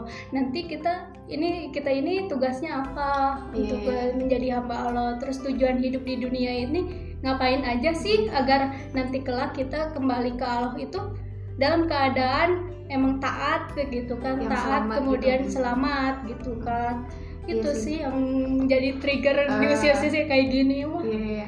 Iya, jadi sebenarnya kalau tadi eh, teman-teman apa ya eh, nyinggung tentang masalah adaptasi dan evaluasi itu tuh berarti kan ada kayak semacam apa ya perpindahan gitu kan dari Hmm. kita yang masa kanak-kanak ke masa yang dewasa awal atau kita masuk menuju pintu gerbang dewasa kayak gitu dan biasanya kalau misalnya kita mau masuk itu kan kita harus kayak atau apa ya eh, dalam permisalannya tuh kayak kita meniti sebuah jembatan Anak dulu kan yang Hmm. baru gitu. dan itu kan nggak nggak serta merta langsung gus kita nyampe kan gitu ya beda sih kalau misalnya kita udah beriman terus masuk ke jembatan Siratul Mustaqim kan bisa langsung secepat kilat gitu ya katanya.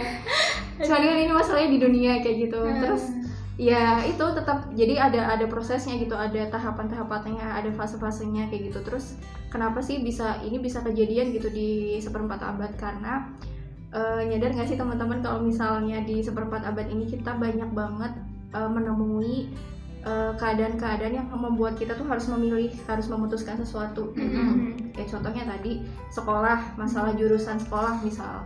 Yang Sani tadi di awal bilang pengen banget jadi apa namanya perawat Hmm. pengen banget jadi dokter kayak gitu. Tapi terbentur biaya. Terus terbentur dengan takdir yang lain kayak gitu kan. Iya takdir jangan biaya. Itu kan jadi kayak membuat apa ya ada mindset kita yang yang akan diubah atau ekspektasi kita yang ya diturunkan lah atau Iya, diganti iya. lah kayak gitu kan. Itu kan eh, apa ya adanya keputusan-keputusan dalam hidup kita gitu. Terus kalau seandainya kita udah masuk nih masuk ke jenjang perkuliahan terus de- di semester 1, semester 2 kita merasa kok aku nggak enjoy ya ngejalanin ini? Kayak gitu. Ternyata kita salah jurusan kayak gitu kan. Pernah nggak ngerasa salah jurusan? Enggak sih. Oh enggak alhamdulillah aku, Aku- dulu sih pernah. aku dulu pernah. Pernah enggak. Soalnya awal masuk manajemen kemudian ya udah setelah Ah. dipikir-pikir sayang ilmu saya pas SMK kan akuntansi ya Ah. udahlah aku lanjut akuntansi lagi gitu kan. Kalau aku lebih kalau misalnya cerita aku lebih ke ini sih maksudnya salah jurusan yang intinya disesatkan ke jalan yang benar. Oh, iya. jadi dulu tuh kan aku anak IPS ya hidup anak IPS aku tuh kan anak IPS terus cinta banget sama sosiologi belajar Hmm. sosiologi tuh aku suka banget Uh, udah gitu aku ngefans banget sama guru sosiologi aku zaman SMA Ini curiga karena fans sama gurunya sih Ya, tapi bukan sama ibu guru ya, bukan guru. Oh.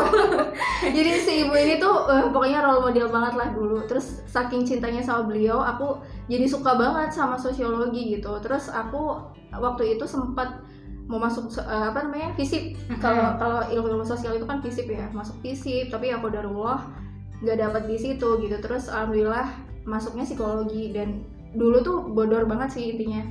Jadi oh aku waktu pas milih nih ya udahlah belakangnya sama-sama Ogi sosiologi psikologi. Ya paham. Oh, sama badannya intinya kayak alah sama kayaknya paling. Terus ya padahal ya ya walaupun kalau pas masuk awal psikologi juga ada pelajaran sosiologi sih. Maksudnya cuma kan konteksnya beda ya. Kalau sosiologi itu kan lebih ke masyarakat yang lebih luas. Organisasi. kalau itu kan lebih ke personalnya manusia kayak gitu. Dan Mhm. alhamdulillah sih dari tersesat itu mungkin ada pertolongan-pertolongan juga dari Allah bahwa oh ternyata sebenarnya tempatnya aku adalah yang paling tepat di psikologi kayak gitu. Dan ini sih kalau bisa dibilang pernah quarter life crisis atau enggak ya itu pada saat dari yang pengalaman yang aku punya itu adalah ya udah kamu coba dulu aja gitu. Kamu Iya. maju dulu aja masalah pada akhirnya kamu menjadi apa yang kamu mau. Itu itu tuh memang udah ketetapannya Allah gitu. Udah udah takdir kamu tuh harus ke mana. Dan Mhm. di balik itu tuh pasti Allah tuh punya punya maksud dan tujuan tersendiri Mhm. gitu. Coba kalau aku jadi perawat, guys, aku akan ketemu sama mereka, Mhm. iya nggak sih, gitu kan? Ya contohnya seperti itulah kayak eh, apa pada akhirnya tidak memutuskan niat kita untuk terus menjadi manusia yang lebih baik, hamba yang lebih baik, muslimah yang lebih baik mungkin gitu kan ya. Pasti ada kebermanfaatannya tersendiri gitu yang sudah Allah tetapkan gitu. Iya. Mungkin ya dari saya. Iya, iya. Iya sih sebenarnya kalau ini aku mengutip dari nasihatnya Tenovi sih bahwa eh, biasanya kan manusia itu kan sering kali mikirnya kita tuh harus memilih kayak gitu kan. Yang udah dibicarain tadi kita kan ngomong masalah memilih, memilih, memilih. Tapi pada akhirnya sebenarnya di dunia ini tuh Allah gitu yang nentuin. Tapi seolah-olah kita tuh milih padahal ya itu udah udah ditentuin sama Allah. Iya. Iya kan? Mhm. Iya nggak sih maksudnya kalau misalnya pernah apa ya merenungi itu bahwa oh iya ya kayak misal Sani mau masuk apa namanya eh, pera- keperawatan tapi nggak jadi tapi akhirnya di digiring sama Allah tuh ke sini Tap- eh, menurut menurut kita sebagai apa ya perspektif manusia kan oh berarti Itu ini pilihan ya. Sani gitu tapi padahal enggak kan maksudnya ya takdirnya Allah yang membuat eh yang membu ya yang yang mengantarkan kita sampai titik ini kayak gitu. Jadi ya gitu sih sebenarnya. Eh, kalau boleh nanya lagi sebenarnya sebagai seorang muslim kita boleh nggak sih KLC merasa sih gitu. Kan. Tapi kalau misalkan eh, sih berangkat dari awal ya sih itu kayak sih cuma itu hanya sebuah penelitian yang dilakukan oleh psikologi dan yang menjadi objeknya tuh anak muda barat gitu Iya. kan. Iya iya ini Tapi eh, kita belum tahu valid sih gak sih Heeh. kalau kita penelitian itu dilakukan pada seorang Disamaratakan muslim, ya, seorang muslim yang ke- tingkat keimanannya kuat gitu Iya. kan. Padahal kalau kita ba- balik lagi belajar sejarah lagi nih, kita menemukan kisah-kisah yang luar biasa. eh bentar dulu yang tadi belum selesai. Hah? yang apa namanya yang masalah penelitian ya? Hmm, yang masalah penelitian ini kan sebenarnya juga ya mungkin ada teman-teman yang lebih tahu mungkin ini yang pertama kali meneliti itu siapa. Jadi kan kalau di dalam psikologi itu eh, yang namanya penelitian itu tuh tidak bisa serta merta bisa di general- generalisasikan. Heeh, apalagi kalau misalnya ngomonginnya masalah penelitian psikologi. Biasanya kan eh, ini banget ya eh, cenderung ke individual differences gitu yang Iya. nggak bisa disamakan Sama. gitu. Heeh. apalagi yang yang tadi Fitri bilang ini kan eh, penelitiannya ada di barat gitu Mm-mm. sebenarnya kayak konsep-konsep manusia barat sama eh, bisa nggak nggak bisa nggak bisa serta merta di ini kan di apa dileburkan kepada konsep manusia dalam Islam gitu kan ya Hmm. bisa aja value-value mereka berbeda gitu Hmm. berbeda dengan kita yang misal orang barat itu kan eh, mungkin pada saat itu pada saat si apa namanya si penelitiannya itu di Dilakukan. dikeluarkan gitu Hmm. hasilnya bisa jadi itu memisahkan gitu memisahkan adanya keterikatan kita sama Allah gitu Hmm. keterikatan Iya, kita sama keberga apa ya sama spiritu spiritualitasannya kita kayak gitu sehingga mereka tuh ya penelitian itu nggak nggak ini nggak nggak membawa si konten spiritual itu padahal ka- apabila misalnya kita eh, apa namanya bisa punya keterikatan yang bagus gitu keterhubungan yang bagus sama Allah bisa dibilang nggak nggak akan ada yang namanya kialas itu iya. kan? Hanya bergantung dan terus bergantung Heeh. pada Allah gitu. Iya, ya. Terus eh, yang tadi gimana? Yang itu? Oh. Kisah-kisah? Oh, cie. Kok cie sih? Tapi nah kalau berangkat dari sejarah orang-orang pemuda-pemuda kuat, tangguh, Mm-mm. keimanannya dulu eh, pada zaman Rasulullah maupun hilafah gitu kan. Eh, kita eh, akan menjumpai cerita tentang Usman Usama bin Zaid kalau beliau tuh memimpin pasukan perang saat berusia 18 tahun padahal Iya. anggota pasukan tersebut adalah yang lebih Para- senior pembesar seperti Abu Bakar dan Mhm. Umar gitu atau juga cerita tentang Saad Saad bin Waqqas yang melontarkan anak panah di Jalan Allah pertama kali pada usia 17 tahun atau Arkom bin Abil Arkom eh, rumahnya menjadi majelis eh, dakwah sejak usianya umur 16 tahun dan yang terakhir masih banyak lagi sih tapi yang Hmm. paling populer eh, populer adalah Muhammad Al Fatih iya yang memimpin pasukan Al-Fatih Al-Fatih. Sudah banget ya aku. Memimpin Ayo, pasukan ayo, untuk kemudian menaklukkan Konstantinopel bahkan sebelum umurnya genap 20-20 Iya, iya, tahun. iya. Namanya menjadi sejarah penting dan masyarakat Turki sampai saat ini. Iya, iya. Tuh kalau kita eh, mikir ya? pikir gitu kan. kita 18 tahun Udah 22 18 tahun. mikir apa gitu. kan. Setelah melakukan apa? Mikir berharap eh, pelajaran matematika nggak ada gurunya gitu. Kalau mikir ke sana gitu kan sebenarnya mah, eh, krisis itu wajar atau enggak sih sebenarnya? Hmm. tapi kembali lagi kalau misalnya kita eh, dari kecil gitu kan keimanan kita kemudian ketergantungan kita hanya kepada Allah apa sih yang perlu kita krisis ki- galaukan Hmm. resahkan sebenarnya mah gitu kan Iya iya iya iya ya, jadi kayak istilahnya eh kalau anak-anak milenial sekarang meributkan yang namanya KLC KLC dan KLC tapi ternyata anak-anak anak-anak para pemuda gitu ya para pemuda zaman dulu yang milenial pada zaman dulu malah justru mematahkan gitu ya mematahkan bahwa KLC itu apa sih "Ah, KLC? KLC apa sih KLC Iya. aku tidak kenal KLC gitu apalagi ya itu Muhammad Al Fatih gitu kan bisa wah membebaskan Konstantinopel gitu maksudnya itu yang paling ini banget sih maksudnya apalagi yang kemarin gitu kita lihat Ayah Sofia gitu kan itu kan Hmm. berasa kayak flashback lagi kan kayak masa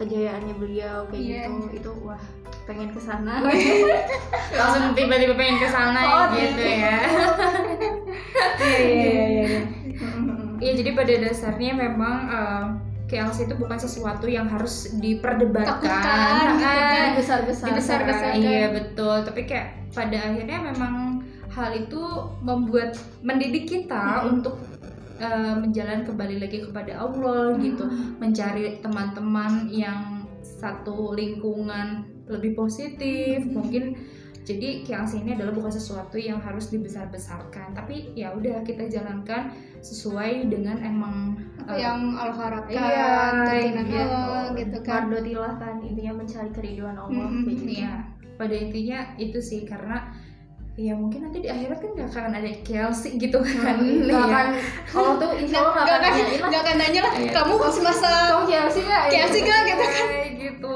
Tapi sepanjang hayat itu ditanyain gitu kan ya jadi Kayak- untuk eh, kalian-kalian dan mungkin kita bertiga juga Iya, ya terutama. untuk teman-teman yang saat ini terutama para pemuda-pemudi yang sensitif melihat sosial media Mhm. gitu ya kalian itu punya eh, jalannya masing-masing gitu Mhm. teman-teman tuh punya eh, pilihan yang Mhm. sebetulnya sudah Allah arahkan menjadi lebih baik hanya gimana saja caranya kita untuk melihat hikmah dari itu Iya, semua iya. gitu ya jadi nggak usah nggak usah khawatir nggak usah cemas serahkan saja semua khawatir dan rasa cemas itu Ke ke dalam gitu. eh, ke doa ke Allah lagi gitu pasti ada jalannya Iya. gitu ya intinya jangan terlalu memperbanyak kecemasan gitu tapi yang kita perbanyak dan harus kita tambah adalah rasa kebersyukurannya kita kan. Hmm. bahwa kalau misalnya kita lebih mudah bersyukur maka kita akan lebih mudah untuk bisa mengambil dan mempelajari hikmah-hikmahnya yang Allah beri kayak gitu. Terus terus kira-kira kenapa sih? Kalau misalnya kita udah tahu nih bahwa teh sebenarnya di Islam tuh nggak ada gitu kan. TLC. di Islam itu Islam mematahkan quarter life crisis kayak gitu. Terus kenapa gitu? Kenapa pada masa sekarang tuh masih ada kayak gitu? Masih masih ada orang yang mengembar-gemborkan KLC di mana-mana kayak gitu. Kenapa? Hmm, aku ingat satu ayat sih. Kalau Iya. dalam wow apa tuh? Bentar bentar aku cari dulu ya. Oh. Aku aku tahu aku tahu. Nah dalam Quran surat Al-Ma'arij ayat 19 sampai 21 Mhm. disebutkan kalau sungguh manusia manusia diciptakan suka mengeluh apabila ditimpa kesusahan dia berkeluh kesah dan apabila mendapat kebaikan dia menjadi kikir. Tuh kan kalau Hmm. misalkan kita tuh eh, secara, secara natural ada sifat-sifat seperti itu resah terus galau terus eh, mempertanyakan gitu kan apa sih kehidupan kita gitu-gitu?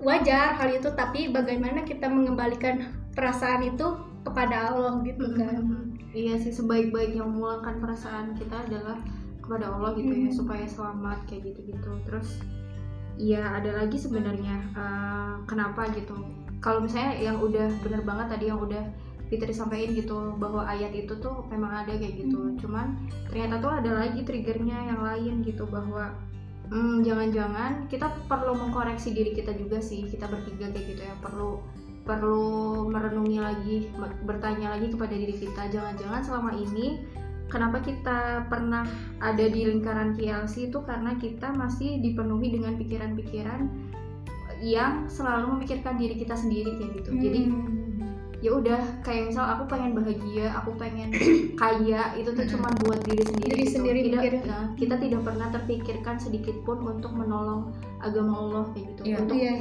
bisa berdakwah berkontribusi di jalan dakwahnya Allah kayak gitu. Kita kita ya gitu maksudnya ya udah sibuknya tuh nggak sama masalah sendiri diri sendiri aja. Tapi kita tidak mencoba untuk keluar dari zonanya kita untuk melihat bahwa apa sih sebenarnya permasalahan umat kayak gitu Hmm. di sekitarnya kita. Apa yang perlu kita kontribusikan gitu untuk bisa punya peran kayak gitu kan. Punya peran eh, untuk punya peran dan mengambil apa ya mengambil tugasnya kita sebagai seorang muslim yang mulia kayak gitu di mata Allah tuh kita harus apa kayak gitu kan. Kita kan kadang kan kalau misalnya udah sibuk sama kialas itu sendiri kita jadi lupa kan. Iya. kita jadi lupa peran-peran kita yang sebenarnya jauh lebih besar gitu di di dunia ini kayak gitu. Gitu. Terus apalagi nih? Luar biasa ya ini pembahasan yang satu tema tapi merembet ke mana-mana. Nah dan kemarin sempat juga nih Tenovi eh, kan emang selalu san yuk belajar yuk belajar terus belajar. Apa pun itu Iya, ya iya. apa pun itu gitu kan. Apa pun itu dan eh, memang apa ya ilmu itu akan menjadi penghalang untuk kita kalau misalkan kita udah keluar batas gitu. Kalau misalkan kita eh, mau mulai melakukan sesuatu oh iya kan ada ilmunya seperti ini seperti ini seperti Iya, ini benar-benar. gitu kan. Jadi batasan kayak gitu dan dan sekarang itu adalah tugas kita nggak usah mengkhawatirkan eh, yang belum terjadi tapi mempersiapkan untuk menghadapi sesuatu yang ke depan. terjadi. iya gitu kan. Seperti yang sekarang ini kan luar biasa banget nih tentang eh, KLC dan apakah harus cemas atau tidak gitu Hmm. kan. Dan eh, untuk teman-teman yang mungkin memang sekarang resah iya, gitu, sedang resah dan gelisah siapa tahu kamar. mendengar podcast kita semakin gelisah tulisannya mengantarkan kepada Allah gitu iya kan. benar khawatirannya eh, mengan- lebih mengantarkan kepada eh, apa yang harus dilakukan sebenarnya Ah. sebagai hamba ya sebagai muslimah gitu Hmm. ataupun eh, memang kewajiban seorang manusia gitu Peran kan. manusia iya peran manusia gitu. Hmm. mungkin untuk teman-teman eh, yang mau oh iya oke. Statement terakhir teman-teman ya. Mungkin eh, teman-teman juga kalau misalkan ada pengen sesuatu yang ingin dibahas boleh langsung DM aja ke Instagramnya Haye. Tapi eh, ada satu statement terakhir nih yang mungkin dipertanyakan juga oleh teman-teman dan mungkin sama saya sendiri juga iya terus aku harus kayak gimana gitu untuk menghadapi Mm-mm. KLC tersebut gitu Mm-mm. sebagai seorang muslimah sebagai eh, peran manusia sesungguhnya gitu Mm-mm. dalam menghadapi KLC Mm-mm. gitu Iya iya jadi eh, sebenarnya nggak perlu bingung sih teman-teman sebenarnya banyak banget yang perlu kita lakukan atau kita kerjakan kayak gitu sebenarnya Eh, bisa bisa dimulai dengan yang paling dasar banget nih kita mengganti fokus. Fokus kita ke dunia. Ya kan tadi udah dibilang ya maksudnya Chelsea itu kan yang apa ya masalah permasalahan-permasalahan yang Yang fokusnya dalam- muter-muter di dunia. dalam diri malahan. uh, ekspektasi terus. Uh, masalah pengharapan masalah pencapaian-pencapaian kayak gitu. Yang intinya ya udah cuman mentoknya di dunia-dunia aja kayak gitu. Nah sedangkan manusia itu kan nggak selamanya abadi di dunia ya maksudnya akan ada batas manusia itu hidup di dunia kayak gitu jadi kita harus mengganti fokus nih mengganti fokus kita dari dunia hanya hanya dari keduniawian ke akhirat nah biasanya kalau misalnya kita udah mulai mikir ke akhirat kita akan bisa nih pelan-pelan kita akan bisa ketemu kira-kira apa ya yang Allah inginkan dari hidup kita Hmm. kira-kira biar Allah ridho aku tuh harus Gimana? apa harus mengerjakan apa kayak gitu pertama gitu bisa mulai dengan mengganti fokus. Terus kita juga bisa mulai mengganti mindsetnya kita. Jadi kayak misal hmm, segala sesuatu yang kita dapatkan itu tuh sebenarnya ya kalau misalnya nggak sesuai sama ekspektasinya kita ya udah maksudnya dihadapi aja dengan dengan bersabar itu mah udah pasti ya gitu. Terus ya diterima aja. Dan kita juga apa ya punya peran punya peran buat belajar dari situ gitu bahwa sebenarnya yang udah ditet- ditetapkan sama Allah pasti itu punya punya ladang pahala tersendiri gitu. Jadi dengan kita bisa apa ya bisa menjalankan itu maka kita bisa apa ya istilahnya bisa berhenti membandingkan diri kita dengan orang lain kayak gitu. Terus eh, kita juga bisa membekali diri untuk melakukan hal-hal yang lebih produktif.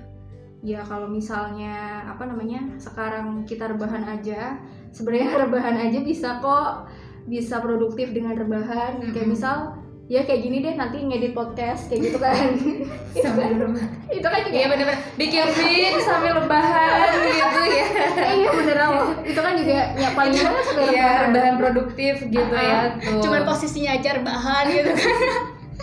Aduh. Iya, tapi otaknya kerja dan tangannya bekerja kayak gitu ya. Ta- ya intinya bisa berkarya dari Hmm. kalau kita di atas di atas kasur, kita tetap bisa berkarya kayak gitu. Hmm. Tapi ya ya itu dengan produktif kita menciptakan apa ya? suatu karya-karya yang bisa kita bagikan ke teman-teman supaya kebermanfaatannya itu bisa menyebar lebih luas lagi kayak gitu. sebagai ladang amal ya kalau Mm. kalau sepanjang usia gitu kan. Iya, Maupun iya, iya. kita diterpa krisis atau apa pun gitu kan. Ya balik lagi itu bisa kita jadikan sebagai ladang amal Hmm. atau enggak gitu kan. menyibukkan diri lebih baik lah intinya Mm-mm. gitu ya dan Eh. jangan terperangkap oleh mindset mindset Ya udah, aku teh lagi KL sih ya udah aku teh diam aja. Iya.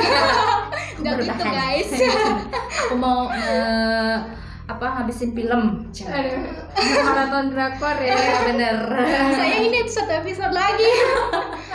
Jangan astagfirullah. Jangan gitu. Oke um, Nah, terus ada lagi nih sebenarnya Mm-mm. eh, kita juga bisa meluaskan ilmu nih. Kalau misalnya kita apa ya? Kalau kita makin banyak belajar, terus makin banyak ketemu sama orang-orang yang Hmm. hebat, itu kan pasti jadi makin meluaskan wawasan kita nggak sih bahwa oh ternyata yang namanya apa ya? Yang namanya hal-hal yang kayak gini tuh bisa bisa apa ya? Bisa kita tepis dengan kalau misalnya kita berilmu gitu maksudnya mendekatkan diri lagi ke kepada Allah kayak gitu gitu Hmm. terus ya ini sih yang yang paling yang paling apa ya yang paling paling dekat gitu sama kita yaitu sih lebih ke berja, berjejaring berjejaring dengan teman-teman yang positif tadi Hmm. jadi saling Ya, mengingatkan ya, ya. Bisa Hmm. bisa dikelilingi dengan orang orang-orang soleh dan solehah gitu yang bisa mengingatkan kita sama Allah gitu udah apa lagi nih ya mungkin eh, pada intinya sekarang mah sibukin cari teman aja guys. Ya teman-teman lebih banyak cari teman aja. Nanti juga kamu bakal memilih mana sih yang kamu butuhkan gitu. Hmm. kayak eh, teman-teman pa- pada pada akhirnya ketika kita mungkin ketika kita dewasa tuh kita lebih memilih eh, dekat dengan teman itu bukan hanya karena membutuhkan saat kita sendiri tapi kayak membutuhkan teman itu karena kita butuh ilmu gitu Hmm. ya kayak kayak gitu gitu itu yang bagus sih Hmm. terus buat yang lagi galau gitu kan sekarang berbaik sakalah sama Allah gitu kan. Ya intinya intinya. ini sih kayak apa sih senda dunia itu kan senda gurau aja ya. Jadi yang namanya kesedihan yang namanya kegalauan yang namanya kecemasan yakinlah bahwa itu tuh nggak akan selamanya kayak gitu. Hmm. nggak akan selalu menghantui kita sepanjang hidup kita enggak insya Allah nanti kalau misalnya kita mau selangkah demi selangkah mendekatkan diri kepada Allah insya Allah itu akan diangkat gitu dengan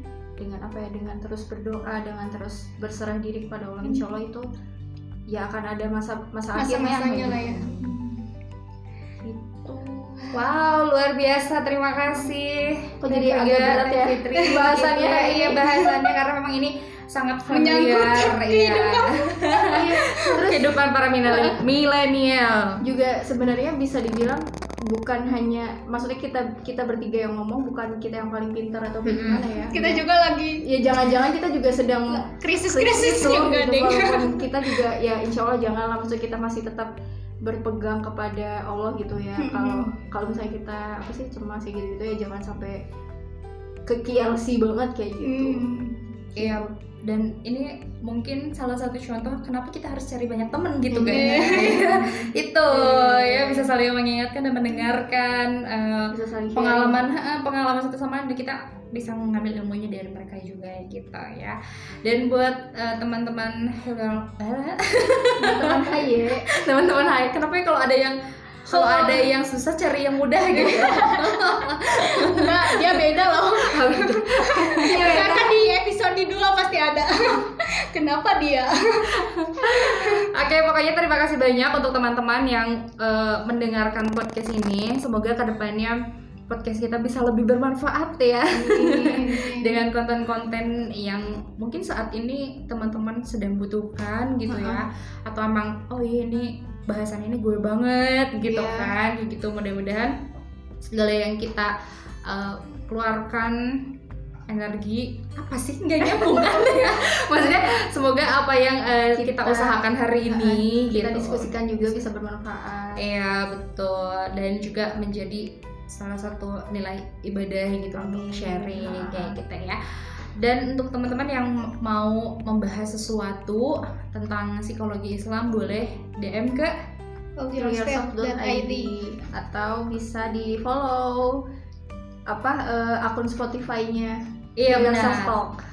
iya benar. Jadi supaya terus update gitu kan Sampai biar biar jangan ke skip episode-episodenya. Iya benar, karena eh, ilmu itu harus tuntas gitu Iya, ya. ilmu itu harus tuntas ya, setengah-setengah ya. Oke, kalau gitu eh, kami ucapkan terima kasih banyak untuk kamu yang sudah mendengarkan dan nantikan episode selanjutnya. Kalau gitu Sani pamit. Vega juga pamit. Fitri juga Baik. Terima kasih semuanya. Wassalamualaikum warahmatullahi wabarakatuh. Dadah.